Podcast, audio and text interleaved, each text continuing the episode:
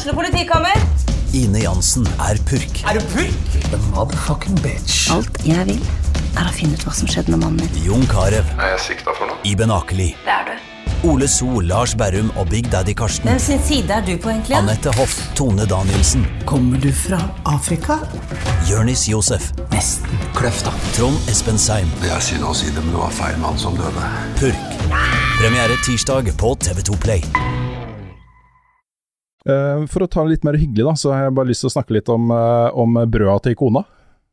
Ja. Ja. De er altså så bra, de brøda til kona. Hun har jo gått på sånn surdeigskurs. surdeiskurs. Aha. Um, og Nå har jeg fått et bakeri hjemme, altså. Jeg har fått et bakeri hjemme.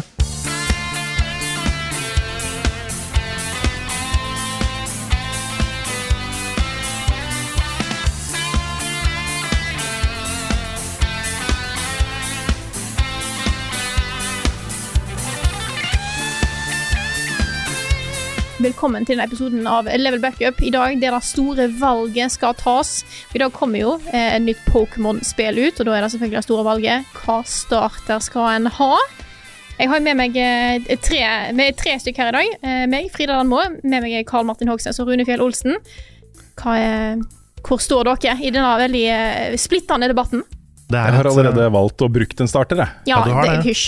Du har det. NRK privileges. Men du har, det er et viktig spørsmål, Frida. Ja. Men det er kanskje ikke det viktigste. Oh, ja. For det viktigste den gangen her er jo hvilken brennheite professor er det du skal velge. Ah, shit, sorry. Jeg burde helt klart eh, gått for den først. Eh, det er jo første valget. Ja, ja for du, har jo, du har jo The Chiseled Man på Violet, og så har du The Hot um, Litt sånn derre Cave Woman på den andre. Mm. Så det er et tøft valg for mange, tror jeg. Absolutt, Mm. absolutt. Hva er ditt valg, Karl? Nei, det blir Cave Woman. Ja, Rune? Eh, Chiseled Man ble det, da, men det hadde jeg ikke noe valg på, egentlig. det var Violet vi fikk, Ja. så da var det Violet vi spilte. Det var NRK som valgte The Chiseled Man. Ja, det var uh, Bergsala som valgte det for NRK, tror jeg Mm, det ok. er riktig å si. Og jeg har tenkt å gå for uh, Future Man. Ja, Mm. Da kan vi trade litt Pokémon, Frida. Det er bra. Sant? Veldig god idé. Mm. Vi kan jo starte med deg, Rune. Du har jo valgt. Det ble Quaxley. Det var for så vidt ikke jeg som valgte da. det var jo sønnen min. Mm. Uh, så, um, så det var den som, uh, som vi, Ja, vi ble for så vidt enige, da. Det var den jeg hadde mest lyst til å velge også. Den som så morsomst ut, og som, uh, som jeg gleder meg mest til å bruke, liksom. Ja, det er veldig sånn så Folk kaller den for The Yassified Duck. Den, den er sånn her slow motion hair, altså sånn flipping av hår og sånne ting. Ja, Ja, Den er er, litt, den er litt morsom. Så, den er El- søt. Elvis Donald. Mm. Jeg skal snakke mer om Pokémon da i, i neste spalte, så uh, kanskje ikke uh, tømme meg helt for det ennå. Det var fint. Jeg tenkte vi skulle bare ta, ta en viktig diskusjon nå. Carl, hvem blir det på deg? Blir det pus? Det blir nok pus, altså. Nå er jeg både allergisk mot gress og katt, så det blir på en måte for meg å leve ut en fantasi. Mm. Eh, nei, men det er en veldig søt pus. Men jeg har vært veldig i tvil, ass. Jeg syns de er fine, alle tre. Ja. ja for Den, jeg eh, Ja. Ja, Fortsett. skal du Nei, Nei, jeg, jeg, jeg kan ta, ta at eh, Da er vi jo herlig fordelt, for jeg skal ta Fuecoco. Ja. Jeg går med, med My Heart, eh, og da må jeg gå for Fire. Og jeg syns egentlig han er litt uh, søt. Han er litt søt. Han er sånn liten sånn Han ser ut som de der Puzzle Bobble eller Buster Move-figurene. Ja, Bob-Bob. ja. Det er liksom Det er, det er, det er på en måte Totodile, bare rund. Ja, litt sånn rund og Det er en bra ting.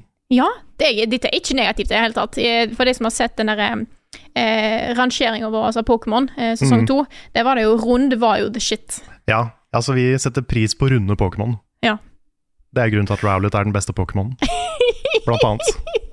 Kan jeg få lov til å gjenta den vitsen jeg fortalte til eh, sønnen min også? Ja, Jeg gjerne. meldte opp på Twitter.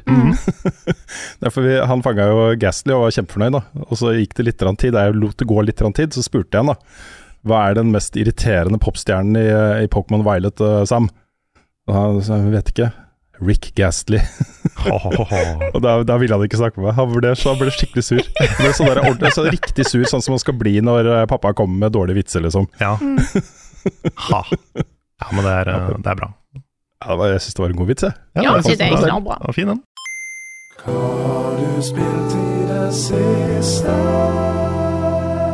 Siden vi allerede har snakka litt om Pokémon, har du lyst til å begynne, Rune? Jeg kan begynne, men jeg tenkte å begynne med noe annet. Okay. Sånn at vi kan ta liksom Pokémon i overgangen, på en måte. Det går til greit. Liksom, Det går greit. Ja. Eh, for det er en Jeg har som eh, forrige uke, så har jeg sjukt mye, sjuk mye greier jeg har spilt uh, siden sist. Kan begynne med at jeg fortsatt på uh, Signalis, som vi jo spilte på Halloween-streamen. Ja. Ja. Som viste seg å være mye bedre enn jeg trodde det skulle være. altså Dette er jo et, uh, en litt sånn moderne take på den gode gamle survival horror-sjangeren fra sånn midten av 90-tallet, slutten av 90-tallet. Mm. Litt den samme type gameplay og gamefeel som de gamle Resident Evil-spillene. Uh, Iblanda liksom litt anime og litt cyberpunk og, og sånne ting. Uh, og mm, det er vilt bra, altså. Uh, og av mange av de samme grunnene som at de første Resident Evil-spillene var bra. Dette handler mye om liksom eh, Du har et stort område du skal inn på, og så har du veldig begrensa med plass i inventaret ditt. Og så er det Du kan, får ikke plukka med deg alt du trenger, liksom. Så du må liksom gå rundt og legge ting i, i, i kassa og liksom ha masse ledige plasser, og så må du finne den tingen, og så må du kombinere og løse puzzles og, og sånne ting. Mens det da er sånne skumle, kjipe monstre som våkner til live og kommer opp av gulvet og, og sånne ting. Så hvis du er hypp på et eh, litt sånn annerledes og, og spesielt og veldig, veldig kult, stilig lagd eh, survival horrorspill, som med sånn ekko fra slutten av 90-tallet, så anbefaler jeg virkelig Signalis også. Det er et uh, kremspill. Eh, og så uh, spilte jeg et uh, spill som jeg så ble nominert i kategorien Games for Change på Game Awards. Som jeg har hatt lyst til å spille gjennom hele året, men bare glemt litt bort. Men tok det opp igjen nå. A Memoir Blue. Som handler om en tidligere sportsstjerne, også en, en av verdens beste svømmere, som ikke har det så bra. Reflekterer over et liv som, som hva skal man si, besatt av å bli best. Eh, og grunnen til at jeg har lyst til å ta det opp, er at det er et par andre ting jeg har eh, sett i det siste som som har gjort ganske sterkt inntrykk. Og det er litt, litt den der følelsen av ok, her har du liksom en uh, tilsynelatende ekstremt vellykket, uh, ordna person. Som har alt på grep og er best og, og en stjerne og elska folk og, og sånt. Og så har de det ikke så bra uh, bak fasaden. Og hvis ikke dere har sett det, så vil jeg anbefale oss å se Lindmo på fredag.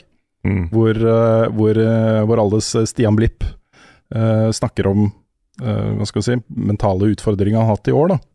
Uh, som, uh, som gjorde skikkelig inntrykk. Og Jeg syns det er så viktig at, uh, at man snakker om disse tingene, og at man går foran med, med, som et forbilde i å kunne snakke om liksom, eh, mentale utfordringer og mental helse. Eh, det gjør det, også det hjelper. Det er en utrolig sånn du, du føler at du har noen med deg, da, eh, hvis man sitter med den samme typen problemer selv. Det å se at selv liksom vellykka folk som har utsolgte shows på Latter og, og eh, Sirkus Blipp eh, og disse tingene, liksom, nerdelandslaget, eh, Norges mest kjente programleder, kan snakke om disse tingene, syns jeg er utrolig bra og så utrolig sterkt. Så satt veldig, veldig pris på det. Litt i samme gate så har jeg også sett uh, Serena Gomez-dokumentaren på Apple TV Pluss. Som også eh, er, var en, en flott, eh, flott dokumentar, altså. Eh, også tilsynelatende, ikke sant. En av verdens største popstjerner.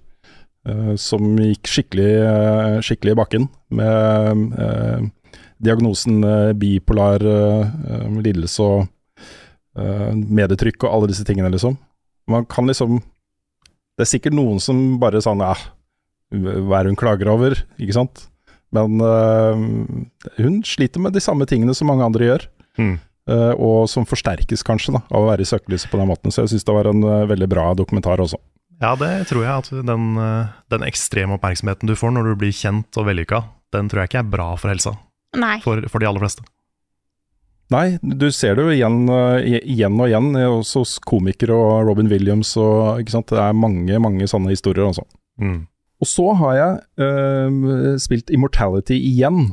Oi, okay. ok. Fordi hvis, altså hvis du er Netflix-abonnent, så kan du nå laste denne gratis på mobiltelefonen din. Oi! Oi, jeg visste ikke at det var på mobil engang. Nei, det er en 12 gigabyte nedlasting, folkens. og telefonen din må være liksom, Du må være, å, ha den nedlastingen åpen hele tiden til den er ferdig. Så bare vær forberedt på det. Vær på wifi helst, kanskje. Um, men eh, jeg ville laste det ned og så sjekke hvordan det var på mobil, for å kunne si om det er verdt å gjøre det eller ikke. Uh, og selv om jeg nok fortsatt vil si at har du muligheten til å spille det med håndkontroller, så gjør det.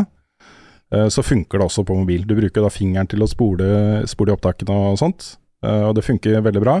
Eh, litt stutters innimellom. Jeg tror det er et litt vel sånn beefy spill for mobiltelefon, egentlig. Mm. Men det funker, og det er samme type opplevelse. Så hvis du er nysgjerrig på dette spillet her, og har Netflix-abonnement, så kan du laste det ned til mobiltelefonen din, gratis. Ja, jeg føler at da må du være litt glad i å se på film på mobilen din òg. Mm. For det er jo på en måte i praksis det du gjør i det spillet. Ja da, det er det. Så jeg vet ikke om jeg har lyst til å se liksom så mange timer med video på en mobiltelefon. Altså. Det hadde ikke vært førstevalget, liksom. Men det er mange som sitter og ser veldig mye film på telefonen. Det er veldig mange ja, som sitter og ser. YouTube på telefonen og sånt til vanlig. Ja, nei, jeg, Mm. bare, jeg er litt sånn sucker for store skjermer. Ja da. Ja, og dette spillet er best på en stor skjerm, og det er best med en håndkontroller. Um, så um, så um, gjør gjerne helst det, liksom. Men dette er jo en god inngang da, til å sjekke hva dette spillet er for noe. Det er sant. Det er sant. Mm. Og så uh, har jeg også eh, spilt og anmeldt uh, Somerville, og jeg tenkte å starte med et spørsmål fra Kristoffer Bolæren Zetlitz, som spør da. Um, eh, flott anmeldelse av på såpass overbevisende at jeg vurderer å gi det en sjanse. I den forbindelse har jeg lest flere anmeldelser av samme spill, der disse ikke er like imponerte som deg. Ja, en anmeldelse er subjektiv, og det er bra, men lener meg likevel sterkt mot din mening om spillet, da jeg opplever den som troverdig og inspirerende. Noe mer du kunne tenke deg å si om spillet, og som kanskje kan få flere til å ville spille dette. Og jeg har ikke lest noen andre anmeldelser, men jeg har registrert at den har fått eh, litt blanda mottakelse. Noen eh, snakker om at det er ganske kjedelig, og en del sånne ting. Um, jeg kan ikke si annet om det egentlig enn at uh, den hvis, hvis folk har reagert på at det er veldig rolig og at det er, er um, litt sånn lite spektakulært uh, gjennom store deler av spillet, så er det en direkte grunn til at jeg likte det såpass godt. Um, dette spillet starter jo med en helt vanlig dude, og så jorda blir angrepet fra, av romvesener uh, utenomjordiske. Uh, du blir separert fra familien din, du får noen spesielle krefter. Uh, og så uh, er du liksom på reise gjennom et, et Altså, det er ikke en by, det er mer et sånn lite lokalsamfunn med en liten by i Storbritannia. Gjennom liksom parkeringsplasser og elver og skoger og, og sånne ting. Og det er veldig lite spektakulært ganske lenge. Og så er det det, det som gjør at jeg virkelig virkelig har digga det spillet, er at det settes da i kontrast med en avslutning som er veldig, veldig sterk, og som uh, skrur volumet opp litt, da. Så uh, jeg har um, spilt det gjennom to ganger, og står for, uh, står for rosen. Jeg digger det spillet også. Jeg syns det er kjempebra, og en veldig, veldig stemningsfullt spill. Som ikke nødvendigvis har liksom det samme tighte gameplay som Inside og sånne ting. Det er litt igjen der. Men som allikevel leverer en veldig, veldig flott, stemningsfull sci-fi-opplevelse på eh, som spill, da. Så eh, jeg er veldig glad i spillet, og, og tror flere nok vil synes det samme, selv om det er delte meninger om det. Og så har jeg også spilt, etter en fantastisk anmeldelse av eh, vår nye anmelder og eh, Early Access-pilot Andreas, eh, Pentiment, som er også Gud bedre for et spill, altså. Dette foregår på 1500-tallet, du har akkurat begynt å få liksom boktrykkerkunsten, men det er fortsatt sånn at hvis du har lyst til å lese bøker og ha din egen bok, så må du liksom gå til et kloster hvor det sitter munker og håndtegner disse bøkene, ikke sant, med, med både de tegningene som er i den og også skriften, liksom. Og, det tar et år, liksom, minst, før du får boka di. Åh, det er så komplisert, det. Sånn, eh, noen kommer og Jeg kunne tenke meg å lese den boka. Åh! Må jeg skrive hele boka på nytt? Ja, ja, ja. Og så er det så fascinerende hvordan de går virkelig, virkelig i dybden på, eh, hva, på ordets makt, og særlig på den tiden hvor du hadde kirken som hadde liksom, eh, litt sånn eierrett på, på ordet, på historien, på hva som er sant og ikke sant. Eh, og så kommer det liksom alternative tenkere og alternative filosofer og alternative teorier om hva det vil si å være menneske, og om Gud og religion og uh, makt og alt, alle disse tingene. Og det er livsfarlig, ikke sant. Mm. Så det, det blir beskytta med hud og hår av kirken. Um, og så ser vi jo Dette er jo rett før eh, reformasjonen og Martin Luther og sånne ting. ikke sant? Så man ser på en måte Du vet at det kommer. Uh, denne revolusjonen hvor eh, ordet plutselig blir tilgjengelig for massene. eh, og, og kirken kan bli utfordra på deres sannhet, ikke sant. Og Det er så fascinerende å se en historie som virkelig, virkelig virkelig dykker ned i dette her, og bruker historiske eksempler og bruker historie på den måten.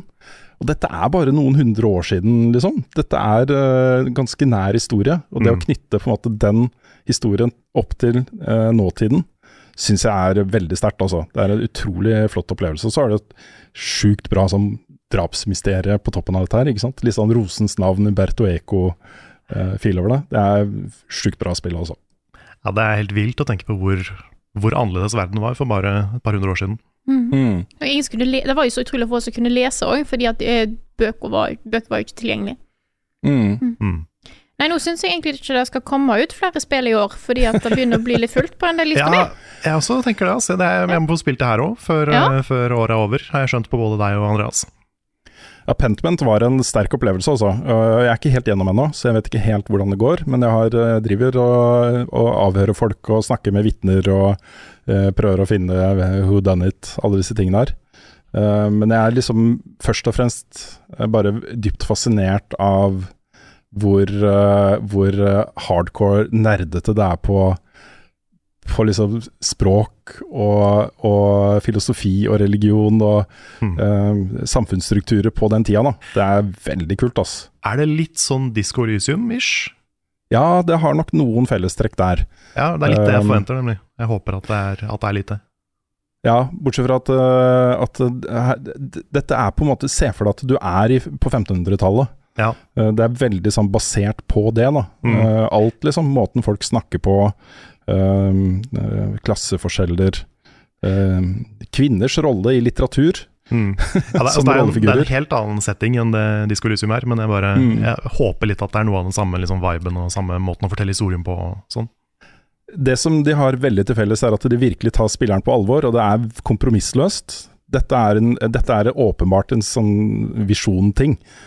Uh, dette er jo en utvikler hos uh, Obsidian, som har jobba med Fallout New Vegas og mye svære rollespill, liksom. Som har hatt lyst til å lage dette spillet, og som virkelig uh, helt sikkert har en sånn personlig, privat hobbyinteresse som handler om dette, da. Om, ord, om, om liksom boktrykkerkunstens opprinnelse og hvordan bøker og ord ble brukt på den tiden, osv. Så, videre. så, um, så um, den, den sto, spillet stoler liksom på at uh, spilleren er med, da.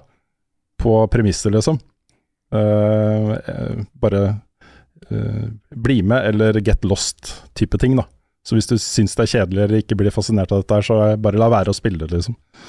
Det prøver ikke å tilpasse seg noen forventninger eller noen ting. Det er bare en, en veldig, veldig sterk idé som er utrolig godt gjennomført. Og så har jeg spilt Warzone 2.0.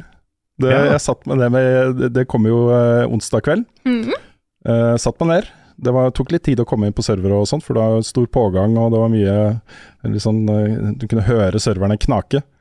Men jeg tok fem runder i solo, solo der. Og det var sjukt gøy, ass. Det var sjukt gøy. Jeg fikk kom, beste jeg kom på, var tredjeplass. Og det, det er egentlig første gangen jeg har kommet ganske langt. da. Jeg har spilt mye PubG og, og sånne ting, og jeg blir alltid drept, og jeg ser ikke hvor det kommer fra og sånne ting.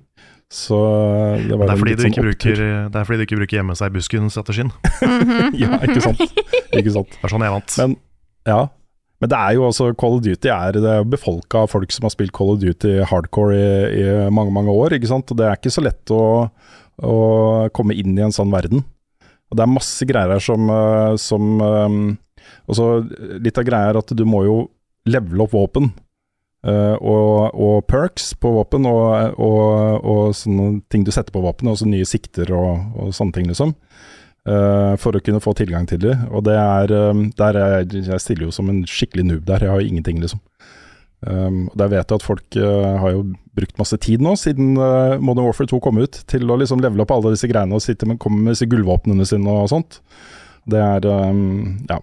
Uh, litt vanskelig å stille opp mot akkurat det, da. Men jeg syns det er veldig kult. Jeg vet at Lars spiller det, Espen spiller det, Sebastian spiller det, så vi har planer nå om å kjøre en sånn firemannssquad i Warzone 2.0. Det kan bli fett. Kanskje en stream. Og så har jeg også da spilt, uh, og innen den podkasten kommer ut Ja, ikke helt, da. Har, uh, anmeldelsen kommer ut senere i dag, på fredag, uh, av Pokémon Violet på, på NRK. Eh, så jeg kan ikke si sånn sjukt går voldsomt i detalj da på, eh, på den anmeldelsen og terningkast og sånne ting. Men eh, jeg kan jo si da at eh, sønnen min er sjukt fornøyd med det. Han, eh, han digger det, har spilt mye Pokémon-spill opp igjennom. Eh, og den der entusiasmen han føler for, uh, for dette spillet, er veldig smittende, altså. Det å sitte sammen med han og spille disse tingene og oppleve disse tingene sammen med han, er, uh, er en veldig fin opplevelse. Så er jo jeg litt mer sånn, siden jeg ikke har vokst opp med Pokémon, siden jeg ikke har noe sånn nært forhold til det fra før, og siden mitt ståsted er mer ok, det er open world, ja. Hva er det man skal få til i open world da, folkens? Så, så er jeg litt kritisk da, til hva de gjør. Um, fordi ja, det er et open world-spill, og du har masse ting du kan gjøre og oppdage og sånne ting. Men det virker litt som de har liksom bare slengt masse Pokémon på et kart. Og så masse pokerballer og, og, og potions og sånn som du kan gå rundt og finne. Um, og så um, stoler man litt på at det skal være nok, da. Du får ikke den samme typen undring og oppdagelsesglede som av f.eks. Breath of the Wild. Som siden det også er på Switch, så er det mest naturlig å sammenligne med det. Så jeg, liksom, jeg forstår ikke helt at ikke de legger mer arbeid inn i å lage en mer levende verden. da. Um, Pokémon er såpass svært at, uh, at det fortjener en, en, en mer levende verden, syns jeg, da. Mm. Er, uh, hva syns du, Carl? Nei, jeg har jo ikke spilt ennå, Nei? eh, så det er vanskelig å si noe før det. Men, men det er jo Det er jo litt sånn ting som har hjemsøkt Pokémon-serien litt, at uh, fans er veldig sånn De har lyst på mer, Mm. føler jeg. Og sånn Jeg har det vært lenge. Ja, setningen eh, Jeg kan ikke skjønne hvorfor utviklerne ikke legger mer arbeid inn i insert thing here. uh, den, uh, den har gått igjen i noen år. Ja, Mm. den har det. Nei, jeg tror litt av problemet er at eh, av en eller annen grunn så utvider ikke Gamefreak så mye som de kanskje burde gjort når de, når de sitter på verdens største franchise. Det er fortsatt et ganske sånn lite komprimert team som er mest vant til å jobbe med håndholdte spill. Mm.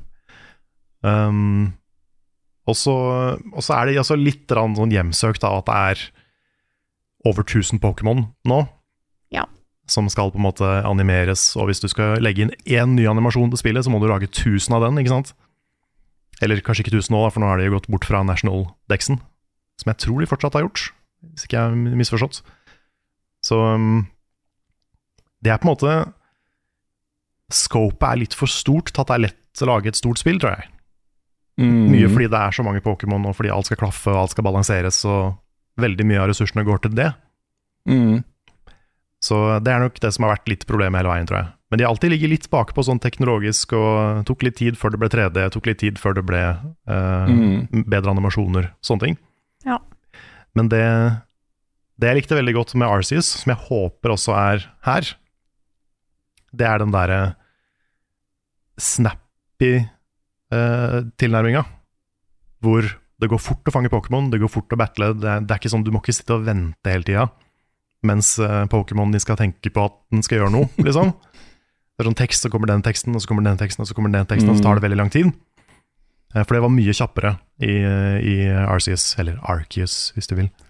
Ja, det kan i hvert fall bekrefte at det er uh, snappy Ja, det er bra. og Det er bra. Det er veldig godt å høre. Um, og det er også veldig kjapt å, å bare la være å battle.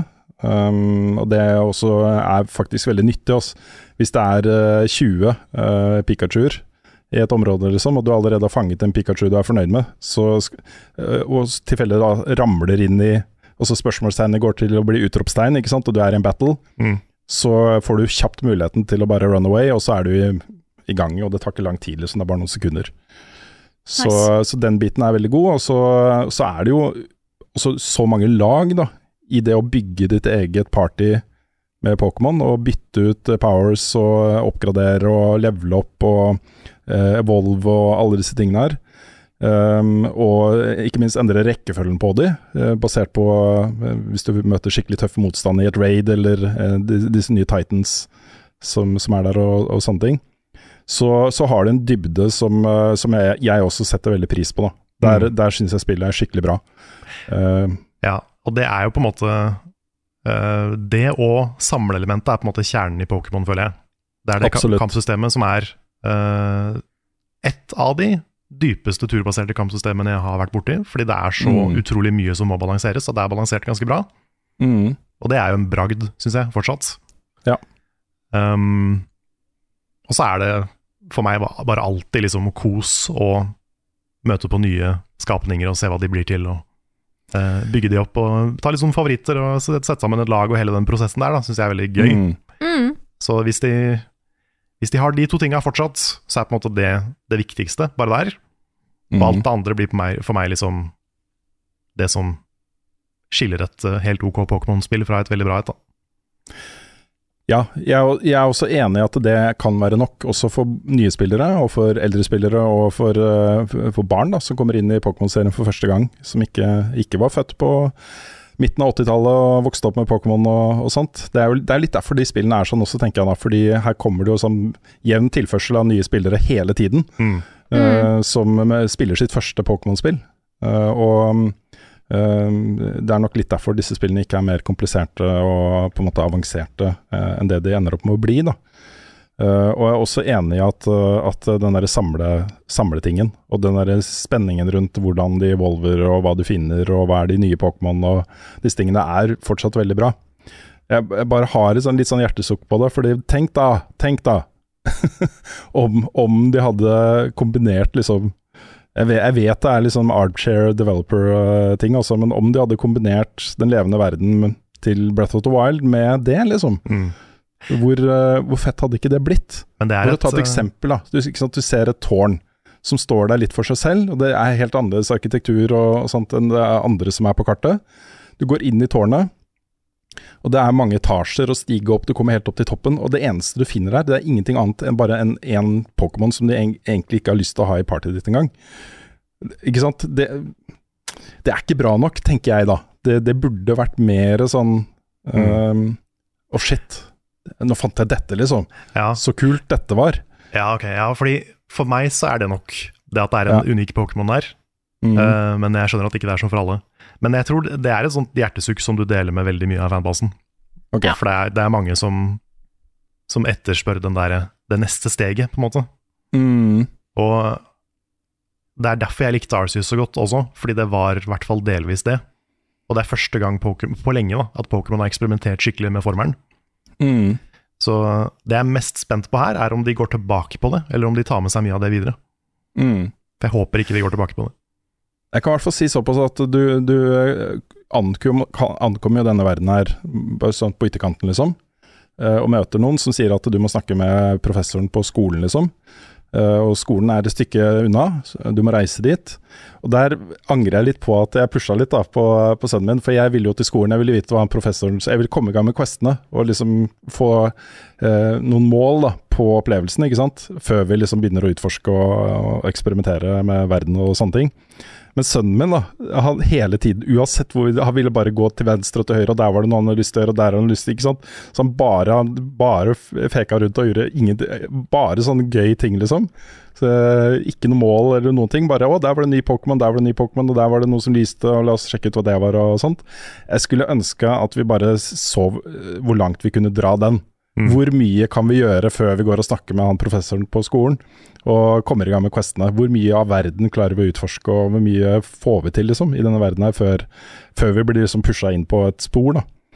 Um, så må det jo sies da at etter at vi er på skolen og snakker med alle disse folka og, og sånt, så åpner jo verden seg veldig opp. Den er jo delt inn i regioner, og alle regionene har liksom uh, noen hovedmål og noen sidemål.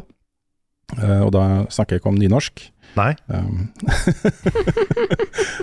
du kommer, du kommer til en eh, landsby hvor alle snakker nynorsk. Mm. ja. Og da, da er det jo Disse hovedmålene er jo En er jo disse Titans uh, som uh, påvirker disse områdene på hver sine måter. Uh, som er på en måte svære bosskamper, da. Eh, og så skal det jo bli number one. Du skal defeate alle gymmene som er rundt omkring. Be the very best uh, like no one ever was. Mhm. ja, ja. Og så um, uh, har du en, en sånn rival, da. En rivalklubb.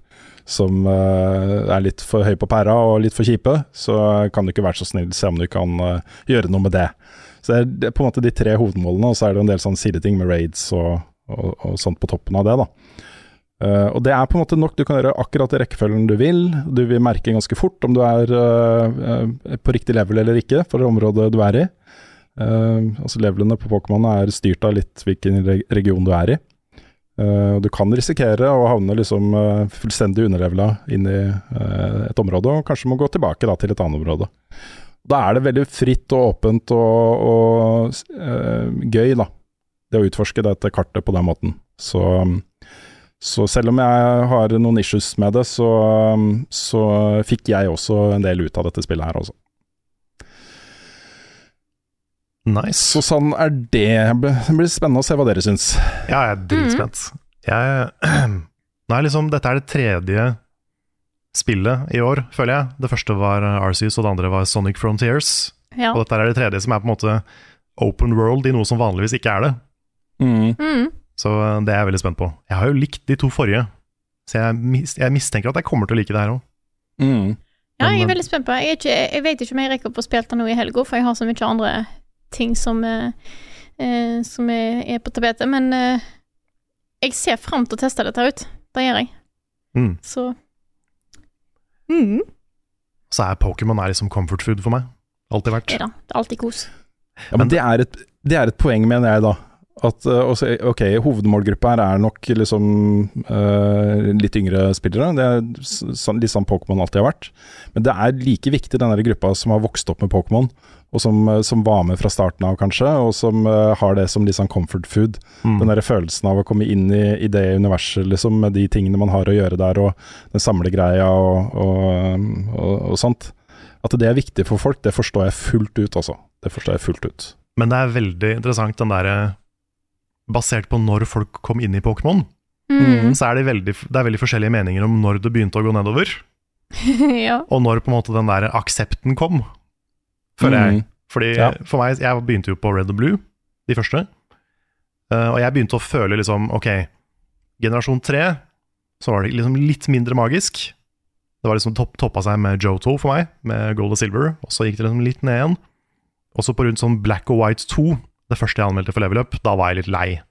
Sånn, de spillene her er helt like, nå, nå må jeg ha noe nytt, liksom. Og så, etter det, så kom på en måte den der aksepten av det er dette her Pokémon er. Mm. Mm. Take it or leave it, liksom. Uh, og den timelinen er forskjellig avhengig av når du kom inn. Nettopp. Ja. Og det syns jeg er litt morsomt. Mm. Sånn, det, uh, det, vi merker jo det når vi snakker om de, de fra verst til best-listene våre òg. Mm. Hvilken generasjon folk mener er best og verst og sånn. Det kommer helt an på det. Mm. Når kom du inn, og hva, hva, var viktigst for deg, liksom? Ja, og sånn som, sånn som det er nå, da, med, med, Violet og Scarlett, så det er jo noen fellestrekk med den derre altså der dype um, gravinga som folk gjør i, i Modern Warfare 2. Der, du har et våpen, og våpen er jo en Pokémon. Og så kan du liksom utstyre det våpen med forskjellige typer add-ons og modifikasjoner, og levele det opp og disse tingene. Du, du, jeg får litt den samme følelsen da, av å, å liksom kuratere et party med Pokémon, som jeg får av å liksom kuratere et, en, en, beholdning av våpen. Ja, men det er, en, det er jo en bild, på en måte. Mm. Ikke sant? Ja, ja. Det er, det er, mye sånn micromanagement og sånt som, som, dette spillet har til felles med andre rollespill. da. Mm. Uh, som, uh, som uh, er tilfredsstillende. Det å på en måte se sanne ting vokse fram og bli sterkere og få et sett med angrep som passer liksom din spillestil og taktikkene du bruker med liksom hva Viken skal bruke når den feinter og mm. disse tingene der. da. Der, der, er det ganske avansert. Det er, det er sant. Har Sam lært deg om type weaknesses og sånn? Nei. Nei. For det er alfa og omega i Pokémon. Jo, type weakness, ja. Ja, ja, ja. ja, ja, ja. Nei, han, han, har full kontroll på det. Ok, bra. full kontroll. Sånn øh, Hvis det er en liksom gress-type fiende, mm. så omrokerer han rekkefølgen på Pokémons og øh, bytter ut powers, og ja, han er veldig der, da. Det er mm. gøy å se på. Jeg syns noen av de er litt sånn clever, sånn som at øh, Psychic er svak mot bug. Mm. Og det er fordi liksom det er en fobi ikke sant, for veldig mange. Mm. At mange har insektfobi. Derfor er insektene bra mot psychic. Sånne ting er kult. Mm. Da vil jeg bare nevne at eh, da anmeldelsen min, tekstanmeldelsen min av dette spillet, vil da bli tilgjengelig på nrk.no i løpet av uh, fredagen. Den um, Jeg rakk ikke å levere til eh, i dag på sperrefrist. Så, um, og i tillegg så er det sånn disse NDA-ene fra Nintendo som jeg ikke kan gå i detalj på, da. Jeg har ikke sett den engang. Men de pleier å nevne at etter utgivelse så gjelder ikke disse punktene. Så da er dealen jeg har med NRK er at ok, da venter vi til lansering, så kan du bare si hva du vil. Ja. så slipper vi å forholde oss til alle disse begrensningene i NDA-en i det hele tatt, liksom. Mm. Så, så det er derfor den kommer eh, litt senere. Riktig. Mm. Det, det blir jo seinere på Level Up-kanalen, fordi jeg har ikke begynt å spille det ennå. Jeg spiller det til launch, så det får bare komme så fort jeg er klar, egentlig. Kommer når det kommer, og kommer til å bli en eh, kanonbra anmeldelse uansett om du liker det eller ikke. Jeg håper det. Men først så må Sonic komme ut, da. Ja. Så det kan jeg i denne sammenheng nevne at jeg har fortsatt på Sonic. Ja, Jeg har møtt, uh, møtt neste karakter. Det og du har fått si. første Super Saiyan boss fight Jeg har fått første Super Saiyan boss fight. mot en Evangelion Angel. Litt overrasket over at Supersonic dukker opp så tidlig. Jeg er nesten Ja. litt sånn skuffa over det, for da er jo et sånn siste climax. Nå er det big, og nå er det sånn Ja, ok, da bare blir jeg Supersonic, og så gjør vi litt greier. Ja, men jeg, for jeg likte det. Ja. Fordi, fordi du liksom Du forventer alltid at Supersonic er på slutten, men så kommer han nå, og så bare Ok, men hva betyr det at han er allerede nå? Ja, Så- da, er- Får du etter hvert vite at liksom, kanskje fordi de bygger opp til noe annet. Så jeg vet ikke. ja, da er jeg eh, alltid spent på hva som kommer videre. Jeg, mm. jeg liker veldig godt neste område. Eh, neste karakter er jo da Knuckles. Eh, og der jeg syns at eh, Amy og de andre var litt sånn tamme, så syns jeg Knuckles er akkurat som han burde være. Ja, passe arrogant. Han er ikke like dum som han har vært i de forrige spilla. Nei. Så jeg syns jeg, jeg liker Knuckles. Jeg koser meg, jeg koser meg her. Absolutt. Har Nice. du noe å legge til på, på Sonic? Nei, jeg har jo spilt gjennom det nå. Mhm. Jeg er helt ferdig. Um, det vil si, jeg har ikke 100% av det, men jeg kommer til å gå tilbake for å gjøre det, tror jeg. Fordi det, det, jeg koste meg overraskende mye med det spillet her. Jeg var veldig usikker på, på forhånd, men uh, jeg liker det. For jeg merker, jo mer og mer jeg spiller, jo mer glad blir jeg i den måten å bevege seg rundt på kartet på. Fordi at det som jeg først følte var en tilfeldig oppsatt rail her og der, er liksom en del av et svært system. Og du kan flyte så godt gjennom hele banen. Eller ikke hele, men store deler av, av kartet, da, som er veldig stort. Fra på en måte puzzle og rail til neste. Eh, så det blir så, det blir så flytende. Det blir Mm. så elegant. Det gjør det. Det blir litt sånn zen, føler jeg. Og bare Hver eneste challenge er sånn tre sekunder lang. Så du, du fiser liksom bare fra det ene til det andre, og så bare får du en sånn liten 'der var det en ting', og 'der var det en ting', og så, tut, tut, tut, og så videre bortover. Hele tida. Så du føler alltid at du får en progresjon, og samtidig at du liksom bare Du kan dra deg litt med av the flow, da, på en måte. Ja, ja, og jeg føler hver gang jeg Hvis jeg skal bort en plass, så tenker jeg ok, men jeg tar den railen her, og plutselig er jeg på andre sida av kartet. Eh, fordi at jeg bare fant flyten som førte meg der til. Mm. Og når du gjør sånne små challenges, så får du jo flere rails på kartet. Så det blir en slags sånn fast travel. Og det også er dritsmart. Den funker så bra. Så um, Nei, jeg, jeg blir egentlig bare mer og mer positiv. Um, Også når jeg tenker tilbake på det etter at jeg har spilt gjennom det.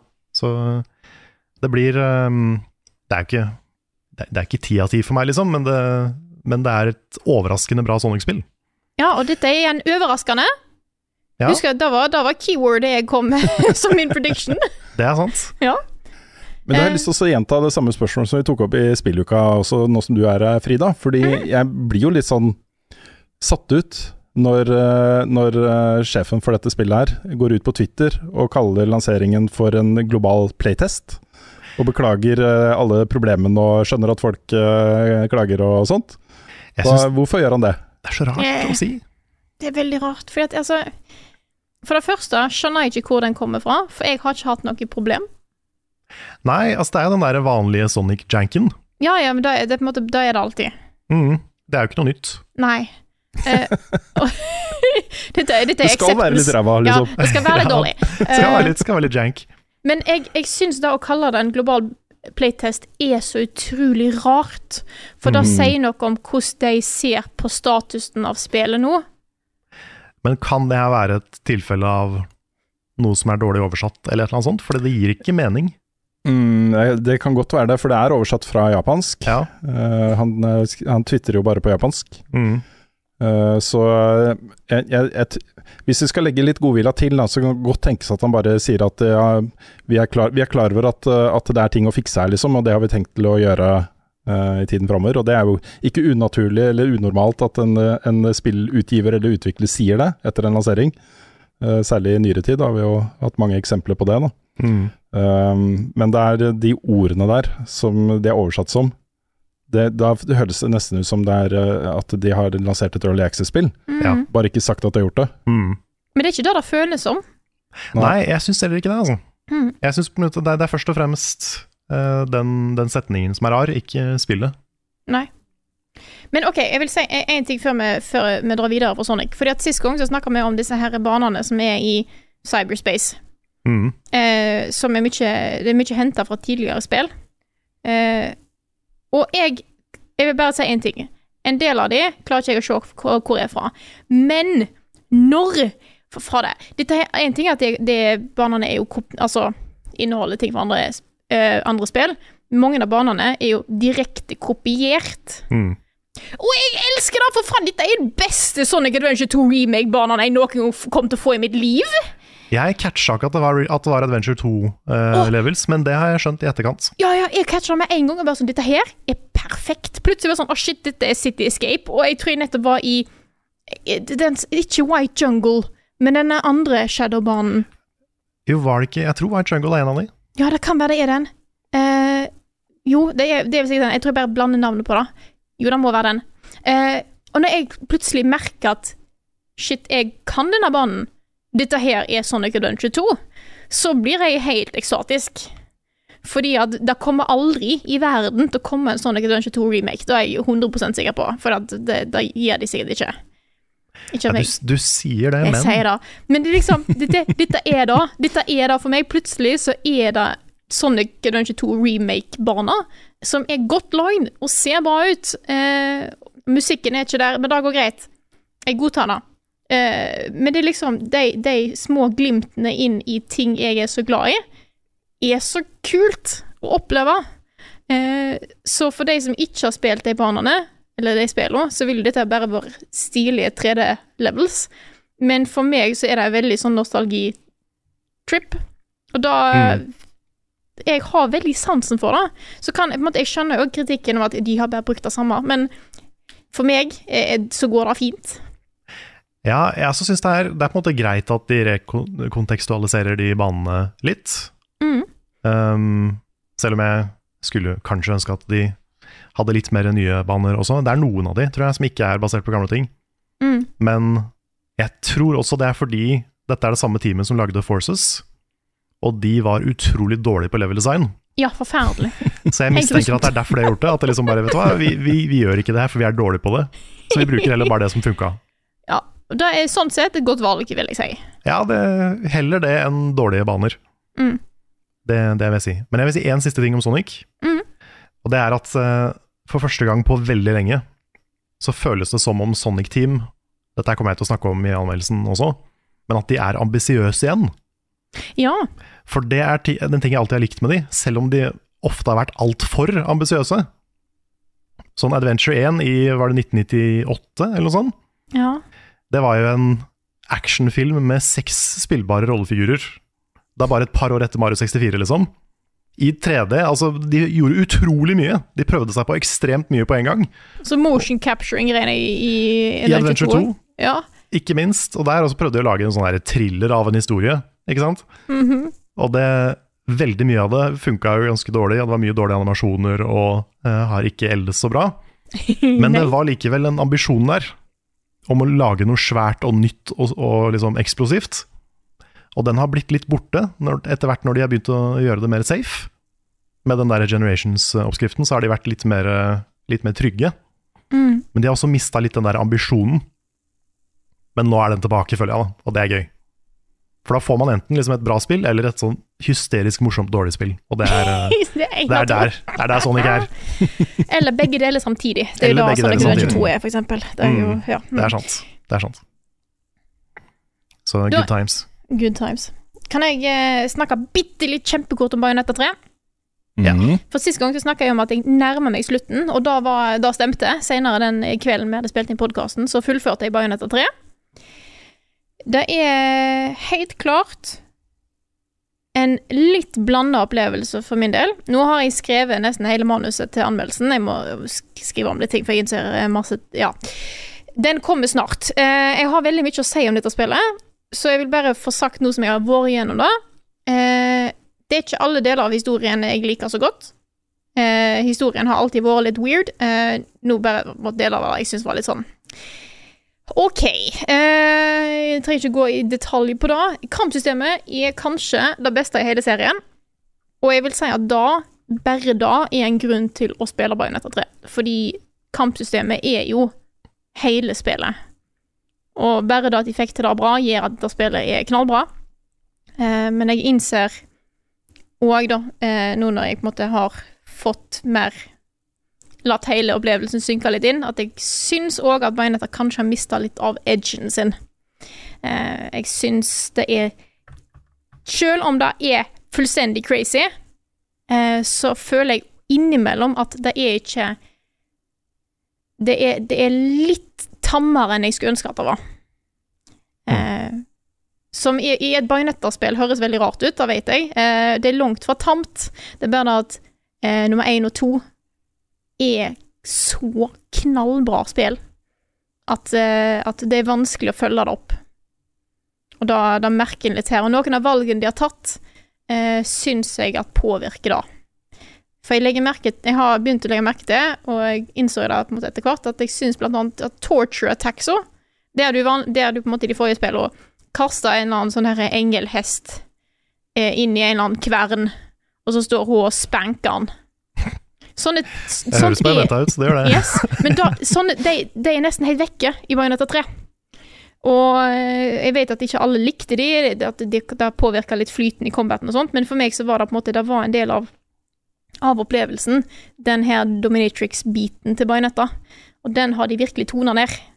Eh, Og da syns jeg er litt synd. Da, faktisk. Da syns jeg er litt synd. Har de ikke fått med seg at liksom Lady D og sånn er de mest populære karakterene i verden? Skulle tro det. Ja. Det er jo inn med å være dominatrix nå. Ja. Nei, jeg, jeg, det er vanskelig å si, altså. Jeg vil tippe at det er mye ting som har skjedd underveis i development, at det er en grunn til at eh, det er gått fem år mellom reveal og lansering. Uh, de har sikkert vært fram og tilbake på mange ting. Uh, så jeg vil bare preface anmeldelsen min nå før, før den kommer ut, bare sånn at det er sagt. Jeg liker spillet veldig godt, men dette er et spill jeg er veldig, veldig glad i. En serie jeg er veldig glad i, og har derfor mye forventninger til et spill som Bayonetta 3.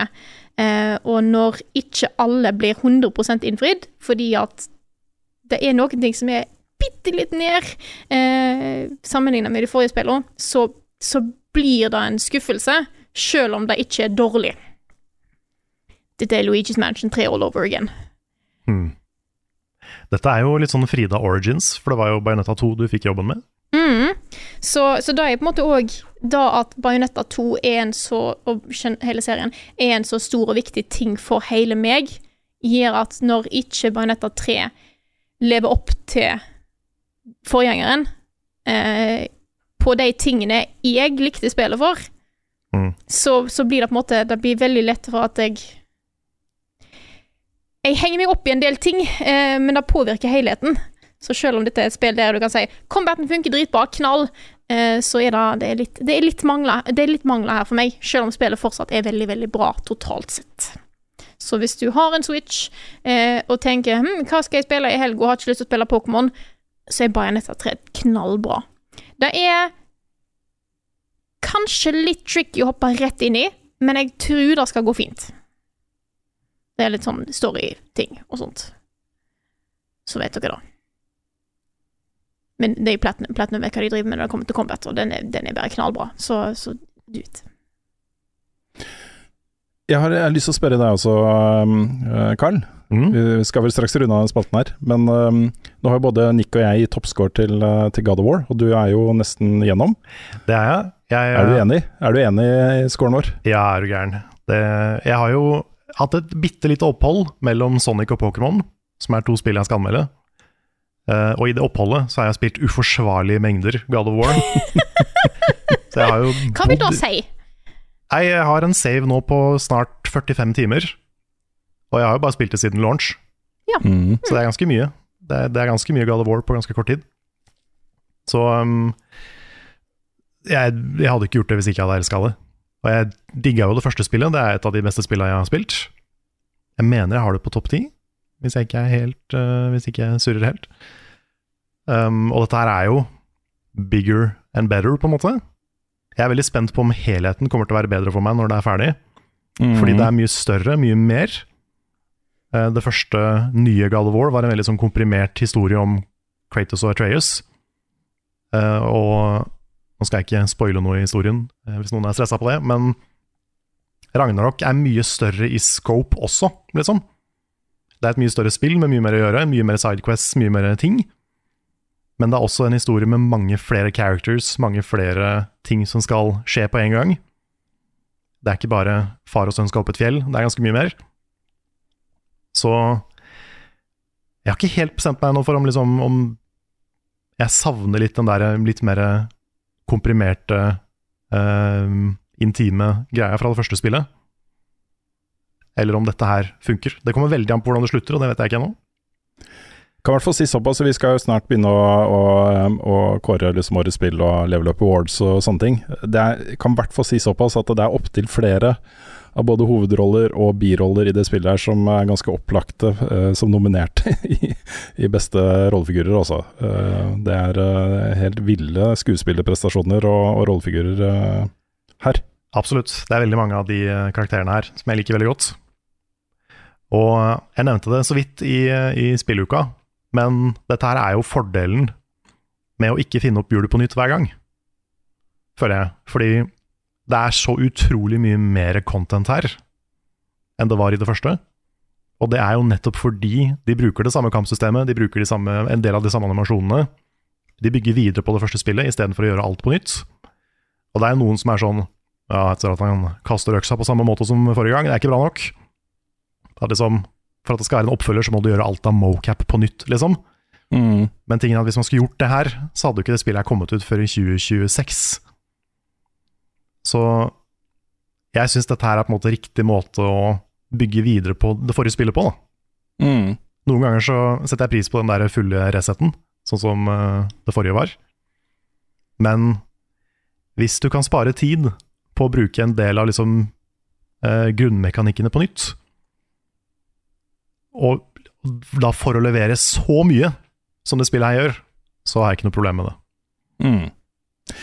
Og så har jeg bare også lyst til å, å eh, spørre deg, Carl, fordi en av de tingene jeg satte virkelig, virkelig pris på med å spille God of War For jeg, jeg var stressa på de trailerne de de hadde lagd. Jeg Mm. var stressa på at de hadde vist for mye, at de visste for mye om spillet på forhånd. Ja, det har de ikke, ass. Var det ikke digg å oppdage alle disse tingene, som, eh, som de store vendingene og alle de nye greiene de har lagt til som man ikke snakker om i det hele tatt? I verken anmeldelser eller på internett, eller Jo, det er helt sant. med mindre du spoiler, da. Og det, det jeg hadde sett, jeg hadde ikke sett alle trailerne, men jeg har mm. sett en del av de. Og nesten alt var liksom de første timene. Nettopp. Det er jo helt vilt hvor mye de ikke har vist, Mm. og det, det digger jeg. Jeg visste jo ikke liksom det var, det var så mange ting som skjedde, til og med ganske tidlig, som jeg ikke visste noen ting om. Og det er kjempegøy. Mm. Kjempe, kjempegøy. Jeg syns det er morsomt med de meldingene, for da har du sendt meg melding. På Ja. de store vendingene så får jeg melding fra Carl, vet du. Da kan jeg sitte det hmm, ja. Nå er, nå er det der. Det, Yes. det er gøy. Og så skjedde det jo veldig lite av de tingene jeg trodde skulle skje, også. Det også er gøy. Mm. Mm. Det er eh, veldig mye som har gått i en helt annen retning enn jeg, enn jeg trodde. Så eh, det er, det er dritbra. Det er jo et av årets beste spill, uten tvil. Så uh, don't, don't miss it. Spill det første først. Eller det forrige først, Mm. og så spill det her, for det it's worth it. Og så, Jeg elsker jo også da at de har gjort uh, Altså måten de skriver eh, Kratos og Atreus på. Den er utrolig sånn sjarmerende og fin. Fordi det er en sånn veldig god utvikling mellom de. Han er jo superkald og kjip i starten av det forrige spillet, men den reisen de er på, eh, både i det første og i det her, den er utrolig bra skrevet, da. Så det er en fin, veldig fin sånn eh, karakterutvikling. Og Kratos er til og med ganske morsom, fordi han er så rett på sak og blunt og Liksom Det går ikke an å være mer direkte enn det han er. Mm.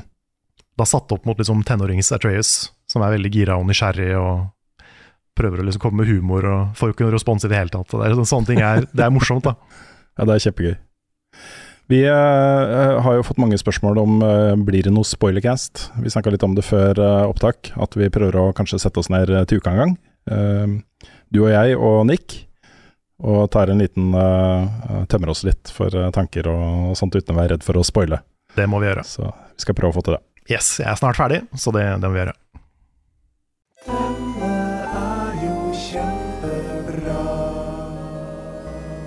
Ukens anbefaling.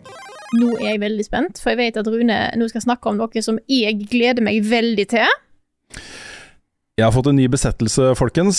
Den, eh, den kicka inn umiddelbart. Ass. Jeg, jeg trengte ikke å se mer enn introen til første episode av uh, TV-serien 1899 på Netflix, før jeg var fullstendig hooked. Shit. Det- Dette er jo den nye serien til skaperne av eh, Dark, som vi har snakka mye om i Level Up-sammenheng. En av de beste TV-seriene som er lagd noen gang, syns jeg. Ja, det er det, altså. Helt Ja. Jantje, Jantje Friise og Barand Bo Odar. Jeg maltrakterer garantert begge de to navnene. men, eh, men eh, dette er jo et, eh, en helt ny serie, da. Som foregår da i 1899. Eh, ingen stor spoiler. Og er knytta til liksom Bermudatriangelet, og det er masse sånne mystiske greier som skjer. Og allerede liksom de første minuttene så har det dukka opp scener um, som er sånn eh, du, du får virkelig følelse av at her er det utrolig mye du ikke forstår akkurat nå, som kanskje blir liksom mer tydelig etter hvert. Da. Det er veldig mystisk, veldig eh, spesielt, eh, og, og veldig sånn derre hva betyr det, liksom? Hva, den derre pyramiden, det ser ut som den er på Island, liksom. Hva betyr det? Hva betyr den derre grønne billen som Ikke sant? Hva, hva betyr det? Og hele tiden sitter du sånn, da. Nye elementer, nye elementer hele tiden som trekkes inn, og som får dette mysteriet da, til å vokse. Og det som er utgangspunktet, er at det er et skip som heter Prometheus, som er uh, forsvunnet, vært borte i fire måneder. Og så er det et nytt skip fra samme uh, rederi, som heter eh, Kerberos, som er på vei over da til, eh, til USA. Det er en reise som tar eh, syv, syv døgn, som får da en, en en, en sånn telegram som de tror er fra Prometheus, og de reiser for å undersøke hva dette er. da. Og dette er jo et skip hvor du har liksom et tverrsnitt av hele befolkningen. Du har eh, en italiensk prest, du har dansker, du har eh, tyskere, det er liksom eh, leger Det er veldig stort spekter av forskjellige mennesker da, som er på dette skipet her. Uh, og det litt sånn mikrokosmos, på en måte. Um, og det Altså De er så sjukt gode på å bygge opp dette mysteriet om hva som egentlig har skjedd, og, og på en måte legge lag på lag av det mystiske, liksom. Jeg forestiller meg at det er litt sånn Lost utvikla seg. At det kommer liksom inn Ok, åh, shit! Det òg, liksom. Ja, Og så what's in the begge hatch? stopper hverandre. Og så etterpå, hvorfor er det in the hatch? ja. ja, så her er, dette, dette er fett, altså. Dette er sjukt bra. Jeg er så spent på hvordan det går. Uh, denne serien ble jo lagt ut i sin helhet, så det ut som, uh, på Netflix i, i de, torsdag morgen. Jeg rakk akkurat å se en episode før vi spilte inn uh, podkasten, så jeg har bare sett den første. Kult. Men jeg er fullstendig hooked, altså. Masse gode skuespillere, masse kule rollefigurer. Uh, og så har jeg begynt å småtolke litt, da, fordi Prometheus Mm. Eh, det er jo eh, han som eh, ga menneskene ilden, og var liksom menneskehetens beskytter, beskytter mot gudene. Han kan se inn i fremtiden, ikke sant? funnet opp kalenderen, tall, bokstaver, skipsfart og metallstøping. Mens da Kerberos er denne flerhodete hunden, Ja. en helveteshund. Guardian of Hell, ja. Ja, vokter porten til dødsriket, ikke sant, og sørger for at alle de som har uh, um, uh, kryssa styks inn i liksom, dødsriket, ikke rømmer. Så det begynner er, det er mye mystiske greier. De har- helt sikkert en mening bak de navnene på disse skipene også. Mm. Så, um, så her er det et sånn globalt ikke sant, kjempemysterie som er, Er det fortsatt på tysk? Det er på alle språk. De snakker til og med dansk og tysk og fransk og italiensk og alt mulig rart. Det er danske skuespillere som snakker faktisk dansk. Ah, som snakker på dansk til de andre rollefigurene. Japansk, det er, et, eh, det er to eh, fra Japan der også. Det er veldig kult, altså. Det er alle, alle språk. Mm. Alle nasjonaliteter. Ikke alle nasjonaliteter, men mange nasjonaliteter. Veldig sånn globalt samfunn. uh, av mennesker. Og det er, er jo knytta mot uh, den derre Det er en av disse rollefigurene som uh, åpenbart lengter etter USA, som har et bilde av Frihetsgudinnen i lomma, liksom, som han tar opp jevnlig og kikker på, ikke sant. Jeg har hørt eh, fra Eh. sikre kilder at alle amerikanere gjør det. Ja, nei, pokker altså. Det er også Den første episoden slutter jo med en så vanvittig kul cliffhanger. Så um, det er, eh, dette her blir eh, Det skal slukes og fortæres. Jeg er uh, hooked allerede. Åh, det er med jeg se. Det jeg er mest spent på, er om de liksom gjør det samme som de gjorde i Dark. Fordi Dark var jo også sann. Mm. Det var liksom ett element ble lagt på liksom hele tiden. Nye ting, nye ting, nye ting. Mysteriet vokste, ikke sant. Og du fikk mange flere spørsmål enn du hadde svar. Men så klarte de å knytte det sammen på slutten. Ja, for de er gode gode på sånn- dette her. Den gjengen her. Skikkelig gode på Mm. Akkurat det. jeg, jeg trodde ikke de kom til å klare å, å øh, løse Dark, men Nei. det klarte de, altså. Ja, fy fader. Jeg hadde en plan. Altså det, er, det er derfor jeg blir så gira på dette også, for jeg har en forventning da om at de klarer det her også. ikke sant? At ok, det er så mye jeg ikke skjønner nå, men bare slapp av, liksom. På et eller annet punkt, når vi nærmer oss slutten, så vil du forstå alt. Mm. Så det er eh, fett, altså. Jeg lurer på om barn som vokser opp nå, eh, har det samme forholdet til Bermudatriangelet som det vi hadde. For jeg er dødsredd for Jeg, jeg, jeg, var, jeg var sikker på at det kom til Altså, jeg var livredd for det triangelet der. Har vi fortsatt Ja. ikke deala med Bermuda-triangelet, tenker jeg. Hva, hva Er skal vi gjøre ja, med det? Det er der ute. Ja, ikke sant? Ja, Da kvikksand, egentlig. ja de to Ja. Tingene var de to, de to skumleste tinga da vi var små. Jeg så en sånn twittermelding når var et eller annet om at jeg trodde kvikksand skulle være et mye større problem enn det viser Ja. seg å være. Ja. Ja, det og Bermuda, det er helt sant. Ja. Nei, jeg, er, øh, jeg, jeg liker den serien her kjempegodt allerede, altså. Så Mm. 1899 på Netflix, Must See TV. Jeg har et par uh, tilleggstips som er um, også veldig, veldig bra TV. Det ene er uh, UXA. Nye serien til Thomas, uh, Thomas Seltzer, som reiser rundt i USA for å ta liksom temperatur på hva som skjer der borte om dagen. Og han er så sjukt god, altså. Han snakker jo med et utrolig stort spekter av forskjellige mennesker. Fra liksom ytre venstre til ytre høyre. Uh, og han snakker med dem en, med en sånn der nysgjerrighet og åpenhet som får de til å snakke. Uh, og det er Jeg har ikke sett noen bedre gjennomgang av eh, de kreftene som, som uh, USA er prega av nå om dagen, enn den serien her. Den er en veldig veldig god serie hvis du ønsker å forstå liksom folkedypet i USA. Så jeg har ikke sett noe uh, som kommer i nærheten av måten han klarer å få det til på. da. Hvor ligger denne? Den ligger på NRK, og Nice. eh, også på nett-TV.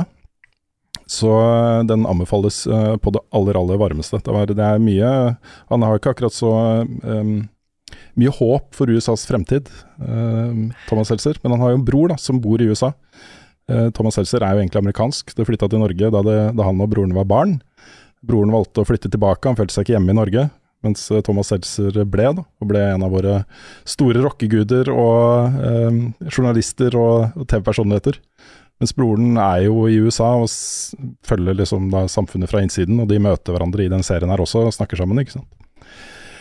Så den er kjempebra. Og så har jeg også begynt å se en annen serie som er bare seks episoder, en miniserie på Amazon Prime som heter The English. The English, med Emily Blunt i hovedrollen. Hun eh, reiser jo da fra Storbritannia for å øh, hevne seg på mannen som drepte sønnen hennes. Og det er et sånt, Dette foregår da også på slutten av 1800-tallet i USA. Øh, med masse konflikter mellom indianere og, og nybyggere og, og sånt. En veldig voldelig og brutal serie. Litt sånn kompromissløst hvor, hvordan det samfunnet var. Men uh, veldig spennende og veldig godt uh, bygd opp. Minner meg litt om uh, Blood Meridian, som er en utrolig god bok av Cormac McCarthy. Som er liksom veldig sånn Ok, det var sånn det var. Den derre beskrivelsen av lovløsheten og den ubeskrivelige rasismen eh, og imperialismen mot indianerne som, som bodde der fra før, og, og sånne ting. Da. Det er en veldig god, god serie. Spennende. Når vi er i gang med TV-serier, så må jeg bare skyte inn litt som en sånn broken record, at nå er jeg gjennom hele Cobra Kai. Og god damn, det her det må dere se, altså. Det, er, det blir bare bedre og bedre og bedre. Det eskalerer så utrolig bra gjennom de fem sesongene som ligger på Netflix. Kommer jo mer. Men fy fader, den siste episoden. Jeg tror ikke jeg pusta halvparten av den episoden. oi, oi, oi. Det er, Nei, da skal jeg helt, det er helt vilt, ass. Det er noe av det liksom, det er så lett fordøyelig, og samtidig noe av det beste jeg har sett. Mm. Shit. Jeg må gjennom 1899 og The English først, så, skal jeg, så lover jeg, Carl. Jeg skal fortsette Nice. på Cobra Kai. Det er bra. det er bra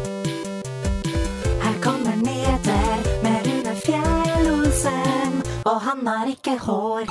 Spillstudioene Riot og Ubisoft går nå sammen i et eh, svært sånn research-prosjekt. eh, hvor de da skal samle sammen chat-kommunikasjon i da en lang rekke spill. Eh, og målet er å lære opp en AI til å gjenkjenne sånne ting som trakassering, mobbing, hatprat og lignende. Um, og når dette prosjektet er over, så sier de da i en pressemelding at de skal dele erfaringene sine og eh, kunnskapen de kommer fram til med hele spillbransjen. Dette er jo et eh, litt sånn tegn i tiden, da. At eh, disse store spillstudiene begynner å jobbe seriøst med hvordan folk oppfører seg i deres uh, online communities. Uh, og et, uh, et viktig steg da, til å få et, eh, et tryggere og bedre eh, klima når man eh, snakker med hverandre over nett. Dette er jo temaet vi snakka litt om i forrige uke også. Men eh, det har jo vært så mye snakk om Det finnes en sånn her, jeg husker ikke hva den heter, det er en sånn koalisjon av forskjellige spillstudioer og utgivere. Som Formålet var det, da. Å snakke om liksom hvordan, vi skal, eh, hvordan vi skal snakke med hverandre og hvordan vi skal utvikle verktøy for å bekjempe disse tingene hvor det ikke har skjedd så mye. Mm. Dette er på en måte et ledd i det. Dette er et, eh, et sånn tydelig signal om at de tar det på alvor. Ja, jeg håper jo både Riot og Ubisoft har litt av den AI-en, og så vender den innover. For det er jo ganske mye dritt i begge de to selskapene. Ja, absolutt, absolutt. Og League of Legends er jo kjent for å være et av de mest toxice spillcommunityene som fins. Mm. Hvor det går litt sport i å være kjipe mot hverandre, og det er gjort masse forsøk liksom, med å ha egne toxic server, og det er, det er mye greier som har blitt gjort da, opp igjennom. Um, men uh, jeg, tror, jeg tror at det, det viktigste grepet utgiverne kan gjøre i kampen mot den type oppførsel, det er jo samarbeide. Hvor uh, du faktisk da kan bli banna, ikke bare i Call of Duty, men også i League of Legends og Counter-Strike. Og uh, uh, jeg vet ikke, Uncharted, whatever. hvis, du, hvis du bryter, åpenbart bryter de reglene, og ikke klarer å oppføre deg og følge de retningslinjene og reglene som er for oppførsel i disse communityene. For det, ja. Jeg tenker jo da at eh, den sier at ja, det bare er litt sånn. Det må ikke være sånn. Nei, det må ikke være sånn i det hele tatt. Det øyeblikket man aksepterer at det bare er sånn, så skjer det i hvert fall ikke noe. Nei. Så, eh, så jeg var glad for å se da, at de, de går så hardt ut. Jeg så også Microsoft nylig hadde en svær rapport hvor de hadde gått gjennom uh, Egentlig, eh, Utgangspunktet der var jo alle rapporter de har fått fra spillerne sine i mange forskjellige spill, da, på oppførsel og ting som har ført til banning og den type ting, hvor de delte masse data. Eh, som også er en sånn åpenhet rundt problemstillinga som, eh, som jeg tror er viktig. Også. Dette eh, jeg, jeg tror spillbransjen har vært litt redde for å snakke om det også, fordi de vil jo gjerne ikke gi inntrykk av at det er kjipt å spille disse spillene deres på nett. Mm. Um, men erfaringen til mange er jo at det, jo, det kan være ganske kjipt. Så da har de jo et ansvar på å ta tak i problemstillinga. Så blir det jo spennende å se om de klarer å lage en AI som faktisk fungerer, da. Det er jo ikke gitt, det. Plutselig så banner det alle som snakker om bløtkake. For eksempel. Mm. For eksempel. Um, uh, prisutdelingen Grammy, som gjør en musikk, stor årlig musikkpris i USA, har fått en egen kategori for spillmusikk. Hey. Der har det jo blitt trukket fram spillsoundtracks og sånne ting tidligere, i andre kategorier, men nå har det, da spill fått sin egen kategori. Og de nominerte da i den første, uh, første uh, prisen der, er Austin Wintry eh, for spillet Aliens Fireteam Elite.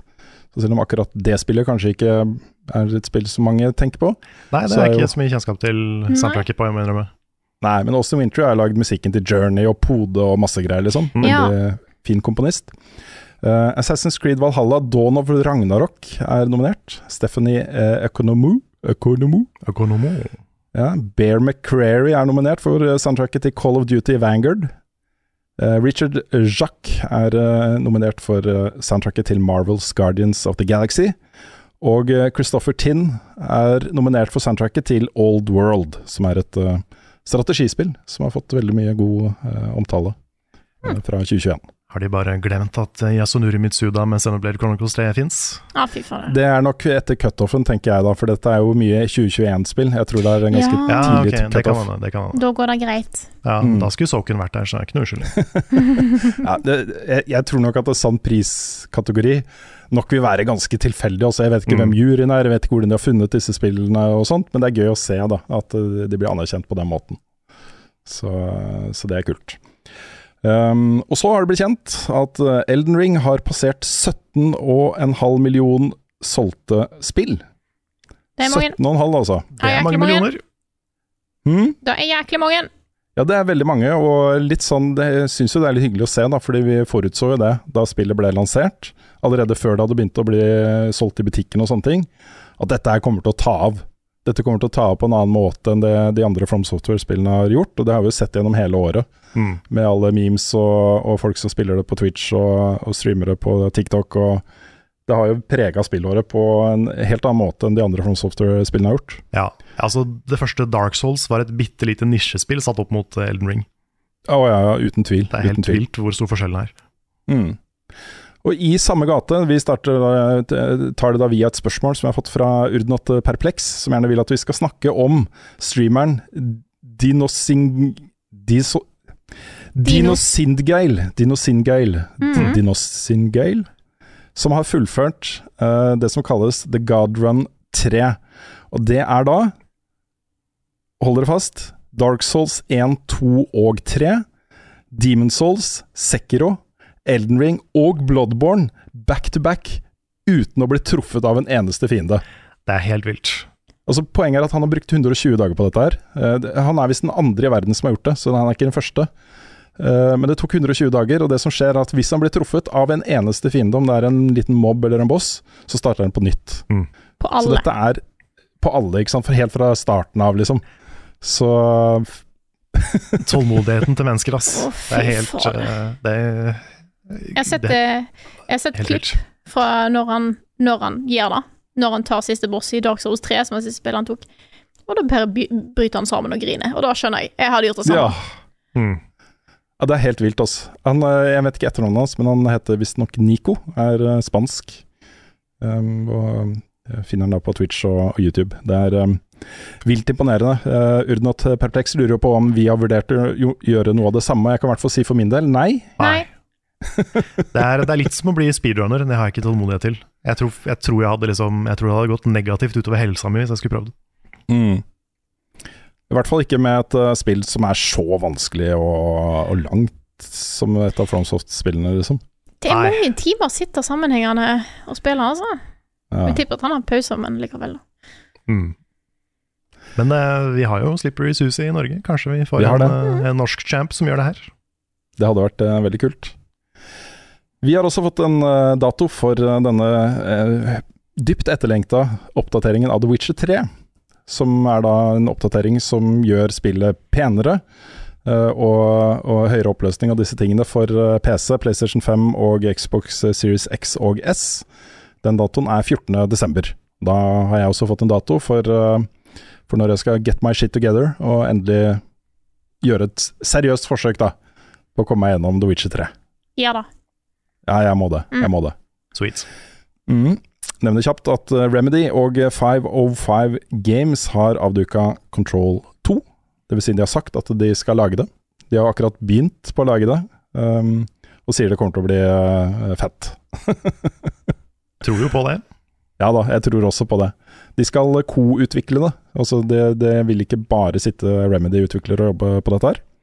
Det vil eh, sannsynligvis bli delt litt her og der, men eh, det eneste de har delt uh, foreløpig er jo et, et bilde, et skjermbilde, hvor du ser at det er liksom på utsiden, sikkert av utsiden av The Old House. Eh, kanskje det blir litt mer sånn åpent ut i verden-type ting, da. At ikke det bare er inni The Old House. denne gangen. Oldest house, right? Er det old Kanskje det var Oldest House? Jeg lurer på om det er Oldest House. Ja. Ja, det kan stemme det. Det kan stemme det. Nei, min, min favorittbygning i spill ever. Den er dritkul. Mm. Ja, det er så fett, ass. Den brutalistiske arkitekturen og Mhm. Der har det sittet mye interiørdesignere og jobba med, med design av rom og møbler og, og sånne ting, ass. Det er eh, skikkelig stilig å se på. Så vil jeg nevne til slutt, uh, dette var jo noe vi snakka mye mer om i uh, spilluka, men vi var jo på Spillekspo i helgen, Karl. Det var vi. Uh, jeg må si det var en opptur. Det var, det var masse folk, eh, mye kule stands. Eh, bra fokus på norske spillutviklere og mye lovende, spennende norske spill som er på vei, som ble vist fram der. Og du kunne sitte og spille, liksom. Mm. Um, og masse cosplay og kule butikker, og ikke minst også da um, veldig, veldig spennende på uh, Telialigaen standen, hvor de jo hadde da sluttspill. Og da full disclosure, Telialigaen, uh, good game, uh, eier jo både Telialigaen og oss. Så vi, vi har jo Ja, 51 51% Så vi, vi har noen link, linker der som det er eh, bare eh, greit å informere om. Mm. Men eh, når man ser disse finalene og hvor eh, intens stemning det er, og hvor, eh, hvor eh, gira folk er, så blir jeg jo veldig glad da, på norsk e-sport sin eh, vegne. For dette er, føler jeg da, viktigere og mer spennende for norsk e-sport enn da Nå så det jo Heroic tapte jo en eh, svær CSGO-finale. Så et av verdens beste CSGO-lag er jo norskeid. Joakim Haraldsen er jo det laget. Jeg syns det er viktigere å få opp et solid norsk e-sportmiljø eh, enn å ha liksom et dansk lag som har norske eiere som konkurrerer i utlandet og den type ting. Så, så dette er liksom grasrot-e-sport i Norge, da. Så, så det, det var eh, fett. Når dere snakker om eh, norske spill, så så jeg at NFI hadde vært ute med en ny runde med midler. Stemmer det. Jeg, det kom akkurat inn eh, på, på morgenen i, i dag. Det er bl.a. et nytt spill fra Dpad, hvor, mm. uh, hvor eh, det, det så ut som en samling av eh, ikke minispill, men spillopplevelser. Litt sånn eh, litt, Det er Otis da og, og Å, hva han het den andre rollefiguren? Otis og Ku. Fra Alboy. Ja, ja, ja. Han Ja, andre. åh, jeg burde jo huske det. Ikke Luigi, men ja, han. Ja. Ja, De er på en måte verter da, for en serie med spillopplevelser. Det er en veldig kort beskrivelse som følger med disse NFI-tildelingene. Og Der har vi jo hørt om, eh, om eh, mye lovende spill som vi ikke har hørt en dritt om utenom da disse tildelingene. Ikke sant? For der må du ha et minimum et skjermbilde, og så må du ha minimum en kort beskrivelse av hva spillet er. Og Det kommer jo et uh, spill fra, um, fra Rock Pocket som har fått tildeling. Som, uh, som de ikke har snakka om i det hele tatt. Jeg skal bare dobbeltsjekke hva, den, hva det spillet heter, sånn at jeg ikke sier noe feil her. I mellomtiden kan jeg si at det, han heter Geddy. Geddy, Ja, ok, greit. Otus og Geddy. Ja, for Rock, Rock Pocket har jo fått tildeling for et spill som heter Voidcast, som er et Metroidvania, 2D Metroidvania-spill. Og bare det ene bildet og den beskrivelsen de hadde av det spillet, så jo vanvittig fett ut. Så det er veldig spennende å følge med på de tildelingene der, altså. Var det noe annet du bet deg merke i der, Frida, som du hadde lyst til å snakke om? Nei, jeg bare så at det var kommet. Eh, Det er mye kjente studio som har eh, fått eh, både fått penger til nye spill, og spill vi allerede har visst om som har fått mer penger. Så kult kult å se at det er masse ting som er i utvikling i norske studio. Mm. Kan jeg skyte ut en siste nyhetssak som jeg har sett på, på internett? Ja. Det er fordi uh, Paul Lucky, skaperen av Oculus, har nå designa et headset, et VR-headset, Ja! som uh, hvis If you die in the game, you die for real. Ja. Mm. Nerve gear-opplegg, ja. Ja. Så noen må sjekke om disse rike menneskene har det bra, altså. Han har vel, hva var, det, hva var det jeg så noe om at på måte, teknologien med på måte, detoneringsgreiene, den funka. VR-headsetet var ikke så bra ennå, men Så Ja. bare å ta det på seg. ja. Det er en kjempegod idé. Jeg tror, jeg tror måten det funker på nå, er at hvis det er rødt på skjermen, så sprenger headsetet. så så jeg, jeg vil ikke anbefale noen å prøve det. Det virker mer som en, som en, som en uh, parodi, da, enn noe faktisk uh... Kunstprosjekt vil jeg nesten Ja. kalle det. Ja, du kan bruke pengene dine på andre ting òg, men uh, Det går an, det. det gjør det. Hva er dines best, hvor var fredag sist? Har Carl egentlig sopp? Ukens spørsmål. Frida måtte løpe, men vi to sitter fortsatt igjen for å svare på litt eh, spørsmål, Rune. Gjett om vi gjør. Det gjør vi, ass. Mm. Du har noen eh, på planen? Ja, jeg tenkte å begynne med et fra Martin Herfjord, som eh, jo egentlig kunne vært en nyhetssak også, men vi valgte å spare det til spørsmål og svar-spalten. Mm. Eh, og da fantastiske Martin Herfjord eh, spør da, hva tenker dere om nominasjonene til Game Awards?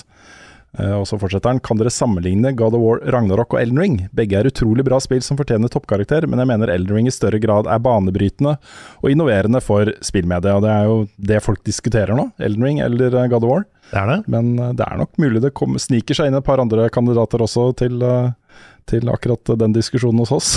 Det er fare for det. Vi har snakka litt om det. Vi har ikke begynt, vi har ikke tatt debatten ennå. Nei. Men, eh, men det er eh, Altså, God of War og Elden Ring er jo de to mest åpenbare, kanskje, kandidatene i 2022. Men det er et par til som også fortjener å bli diskutert. Det er det, altså. Og så er det jo sånn at uh, det er masse kategorier, men da Game of the Year-kategorien, hovedkategorien, består da i uh, The Game Awards av A Plague Tale, Requiem, uh, Elden Ring, God of War Ragnarok, Horizon Forbidden West, Stray og Xenoblade Chronicles 3. Og da er det jo tre av disse spillene som har fått toppscore av oss.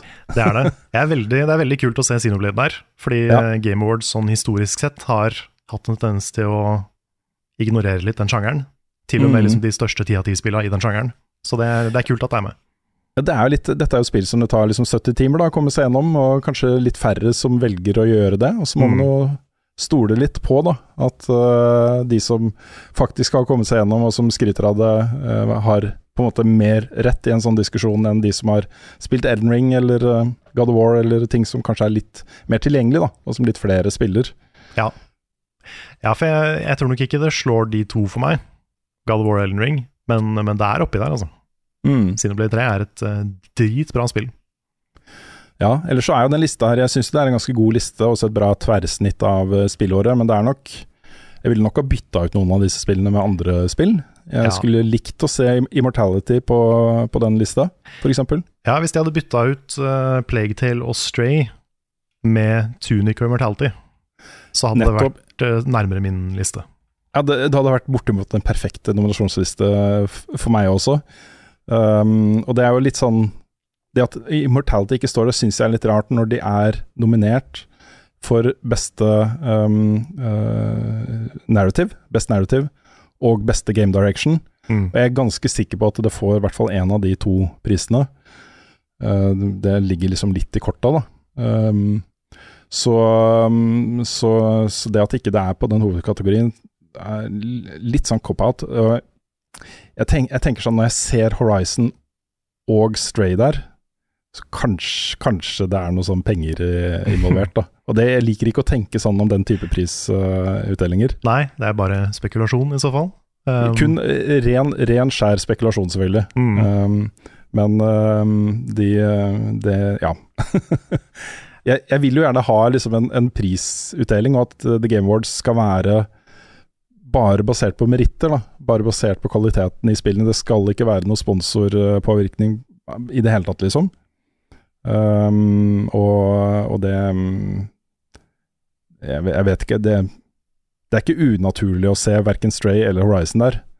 Men uh, i og med at det fins såpass skarpe konkurrenter, da, mm. så uh, kanskje litt rart.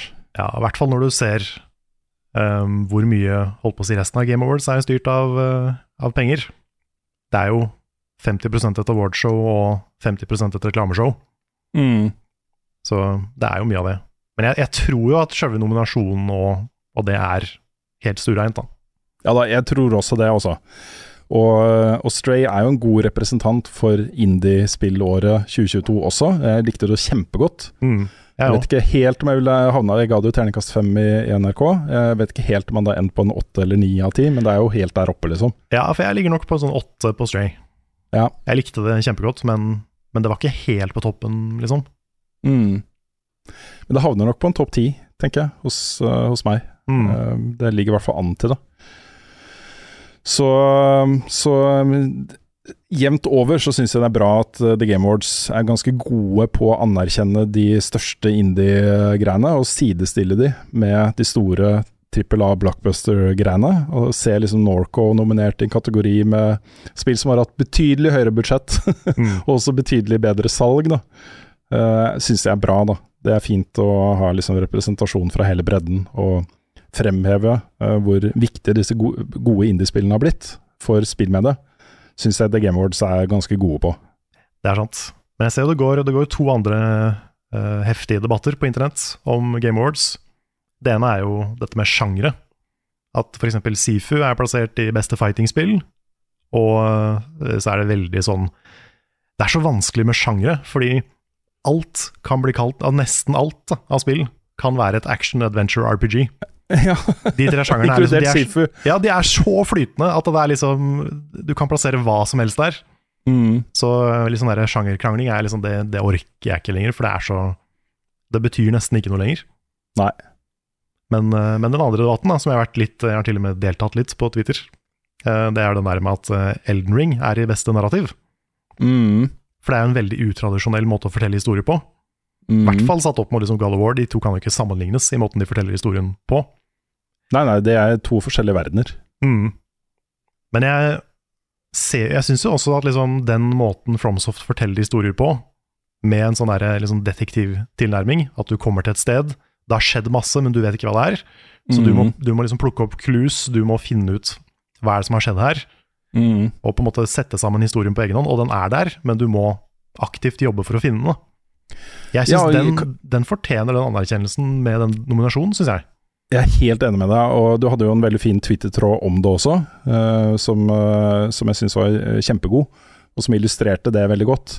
Og jeg tenker at den type sånn skjulte historier da, som du må aktivt uh, finne ut av mye på egen hånd, eller i kombinasjon med Vatividya eller hvem det skulle være, Mm.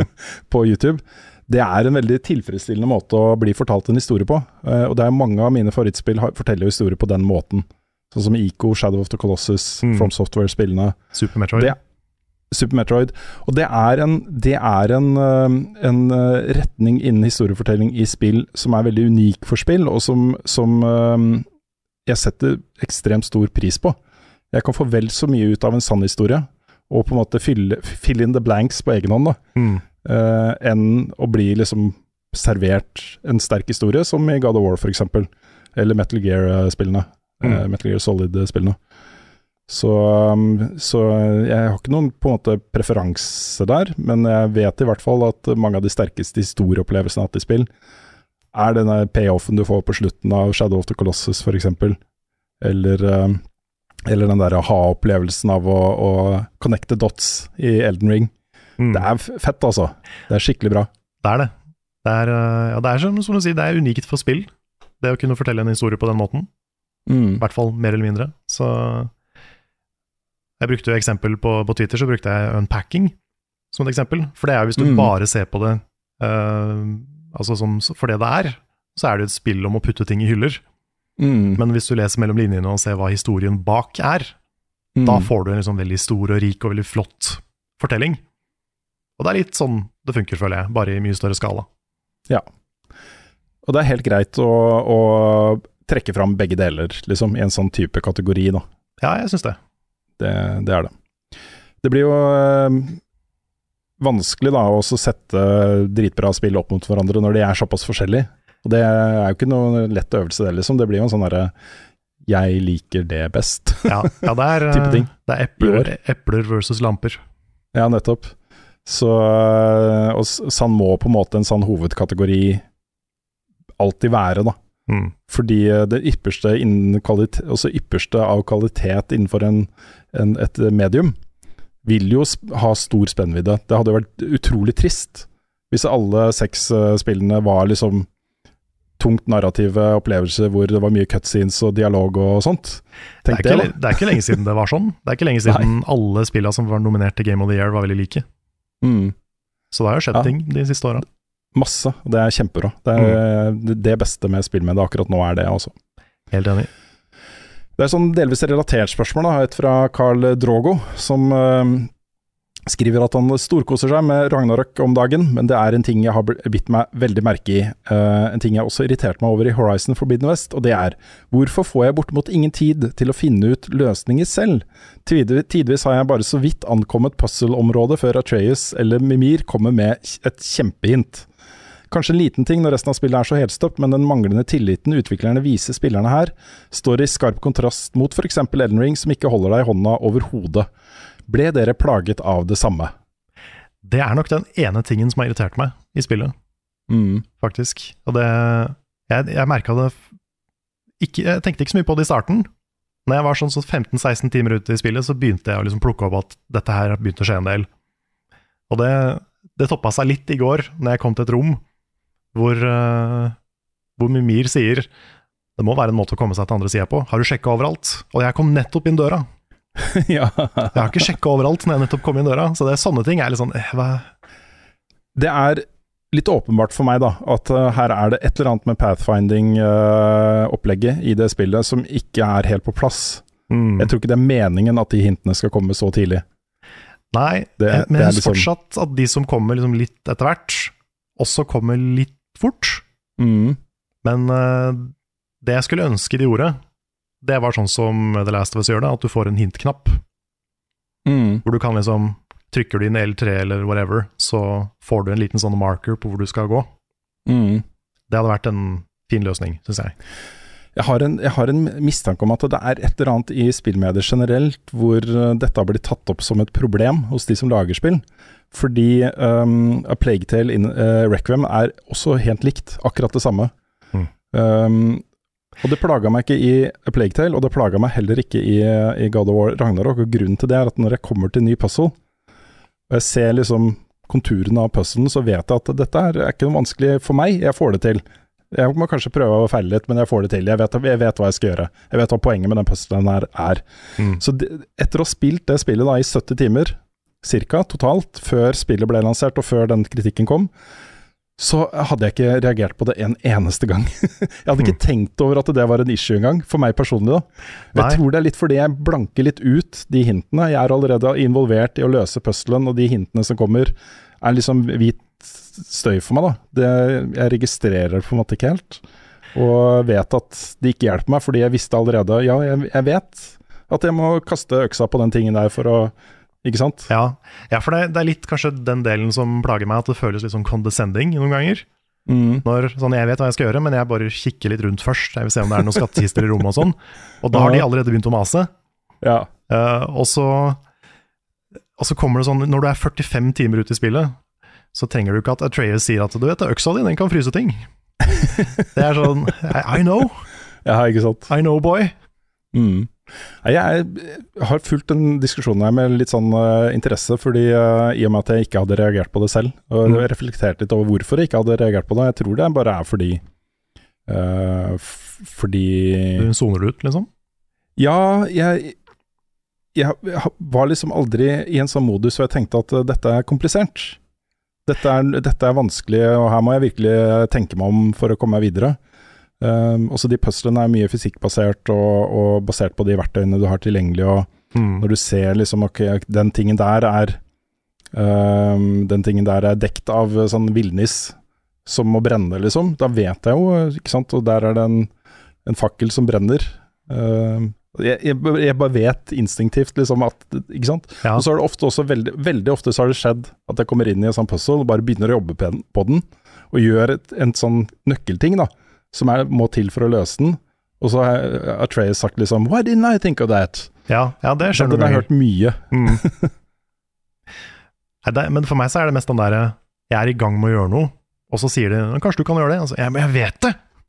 Mm. det! Det blir sånn derre Kan du ikke bare la meg gjøre det her? Så det, har- det har irritert meg litt, grann, det har det. Men um, jeg skjønner hvorfor det er der, uh, som en sånn accessibility-ting, potensielt. Men det Mm. burde være en måte å skru det av eller skru det ned på, tenker jeg. Det er på en måte hoved, øh, hovedtingen, for min del. Ja.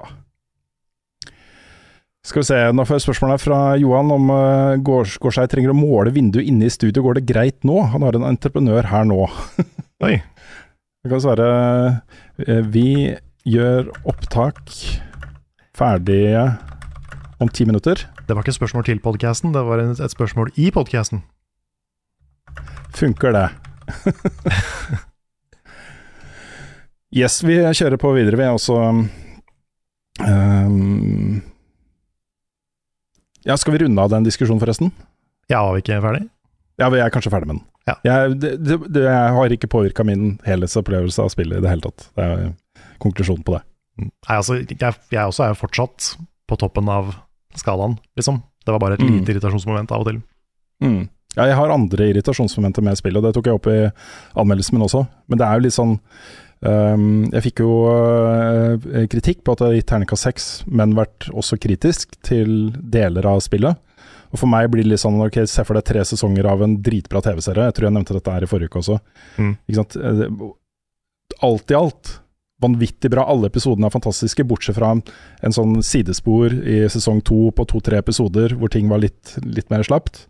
Eh, Så er fortsatt helhetsinntrykket veldig bra. Ta Twin Peaks, for eksempel. Mm. Min all time favoritt-TV-serie.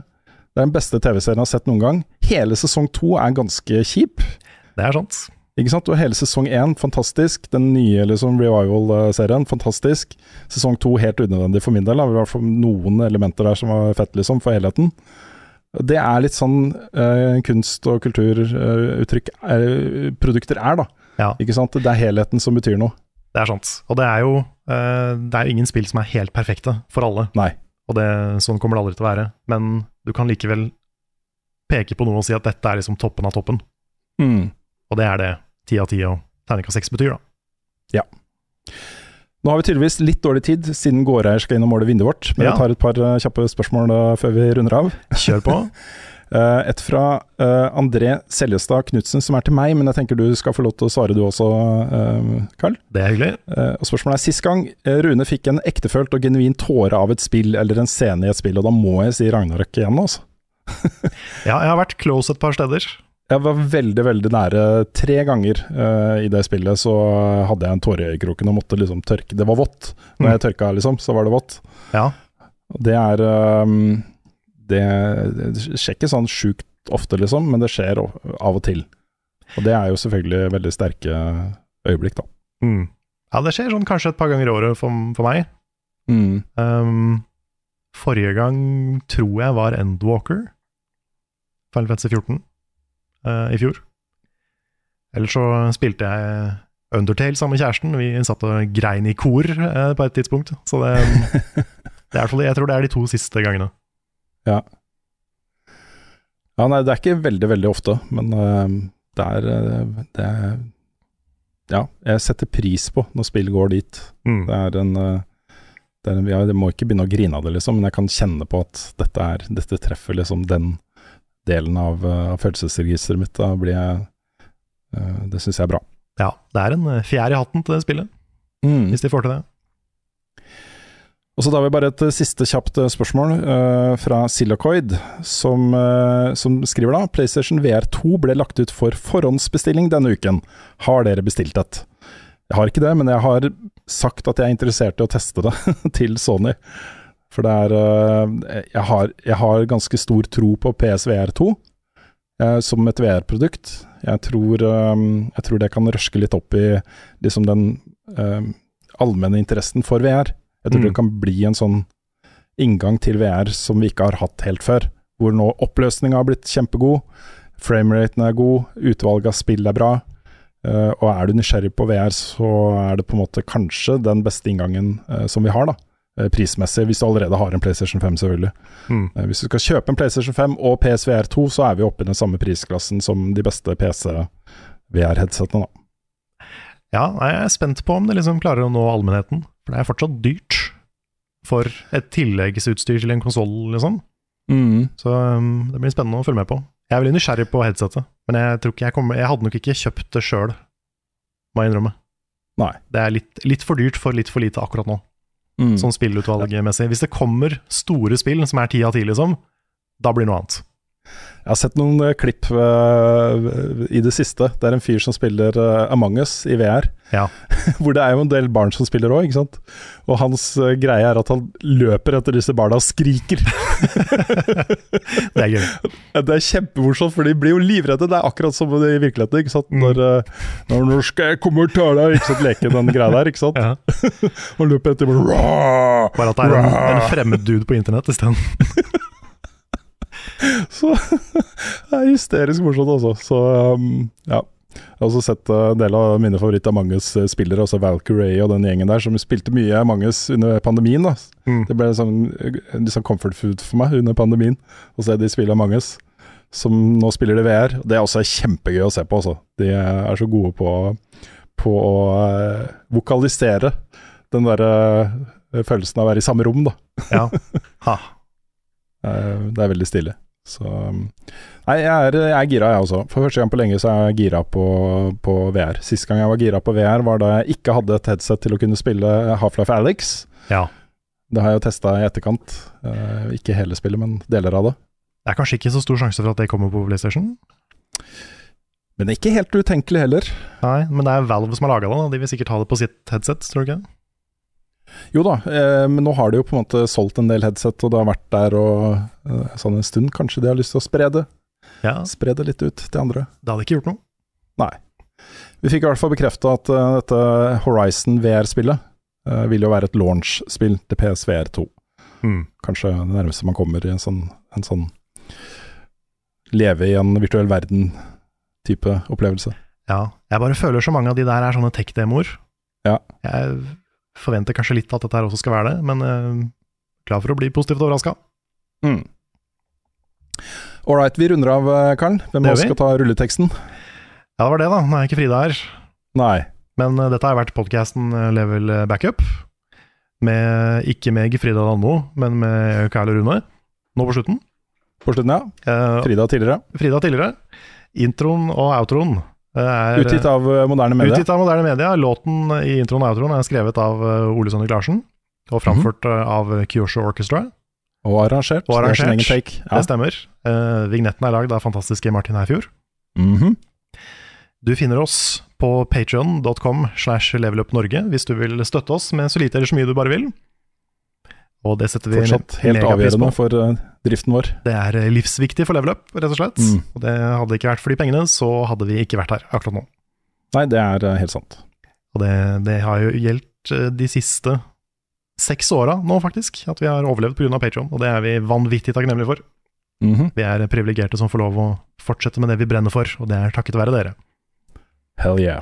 Så tusen, tusen takk for det. Du finner alt, nesten alt vi lager. Det er vel så å si alt vi lager. Det finner du på YouTube-kanalen vår, youtube.com slash levelupnord. Du finner oss på twitch.tv slash levelupnord, der vi streamer alt fra Elden Ring til God of War til alt mulig. Vi er en såkalt variety channel. Ja, det er jo der du finner det da som ikke er på YouTube også, for der ligger det jo en del opptak av eh, streams. Som Stemmer. kanskje bare dukker opp i highlights, eller ikke i det hele tatt, på YouTube-kanalen vår. Nettopp. Så det er, det, vi har en, eh, en fyr som heter Sondre, som er dritflink, som lager sånne highlight-videoer for oss. Så hvis du har sett de, så kommer jo de fra Twitch. Mm. Der sitter vi og streamer av og til. Så det. Uh, vi har en Instagram, Level Up Nord. Vi har eh, en, uh, en Discord, discord.gg slash levelupnorge. -huh. Er det noe mer da? Nei, vi kan jo bare nevne da at det går nå mot en comeback for duellen. Det gjør det. Hvert øyeblikk. Hvert øyeblikk. Det blir da ikke nå til fredag, så vidt jeg har skjønt, men, men, men soon. Ja, det er rett rundt hjørnet. Vi, vi så to episoder uh, internt tidligere i uka, det var kjempegøy. Dere har eh, litt av noen episoder å se, se glede dere til, Ja, det topper seg nå snart, altså. Ja, har ikke, duellen har ikke nådd toppen ennå, selv om Jump Å, King var kjempegøy. Så er eh, ja, ja, ja. there's more. Og så er vi også eh, dypt inne i en eh, sesong med klassikerinnslag. Det kom en ny en denne uka her, fra meg, av eh, Limbo. Den var veldig fin. Det er ikke sagt ennå, men den var kjempefin. Tusen takk. Eh, der vil det komme nye neste uke, og uka etter der og uka etter der, og, og sånt hver onsdag. Nye klassikerinnslag på kanalen vår. Det stemmer. Så, lenge, så, så langt beholdningen rekker, som det heter. Så det, er, det er akkurat det. så, men det blir, det blir en god del, altså. Det er Mm. mange kule, kule spill på vei her. Så mye, mye å glede seg til der også. Det er sant. Ok. Da gjenstår det bare å takke for Jo, jeg har lyst til å nevne en ting til. Ja, Vi eh, skal også være med på en sånn veldedighetsstream hos Komplett uh, neste uke. Uh, Stemmer det. De har jo fra torsdag kveld til lørdag kveld en en ny sånn kjempestream uh, til em, som går under samleparaplyen Gamere mot barnekreft. Og da skal vi være der på fredagen. Fra to til seks, tror jeg det blir. ja to til seks på, på dagtiden. Så, eh, så det er både, både noe jeg gleder meg til, og som, eh, som jeg er glad for at vi blir invitert til å være med på. Absolutt. Det er den, den beste av gode saker. Mm. Så eh, med det takker vi for denne gang, og så eh, ses vi igjen i eh, neste podcast, neste video, neste whatever. Takk for oss.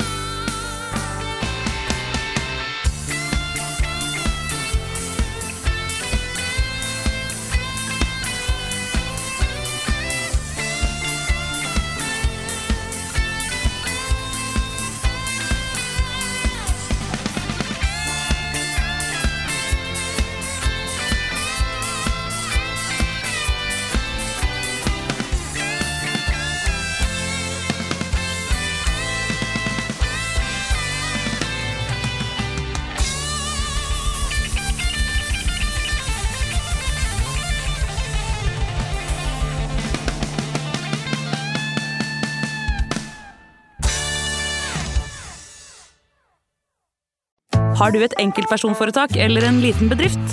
Da er du sikkert lei av å høre meg snakke om hvor enkelt det er med kvitteringer og bilag i fiken, så vi eh, gir oss her, vi. Fordi vi liker enkelt.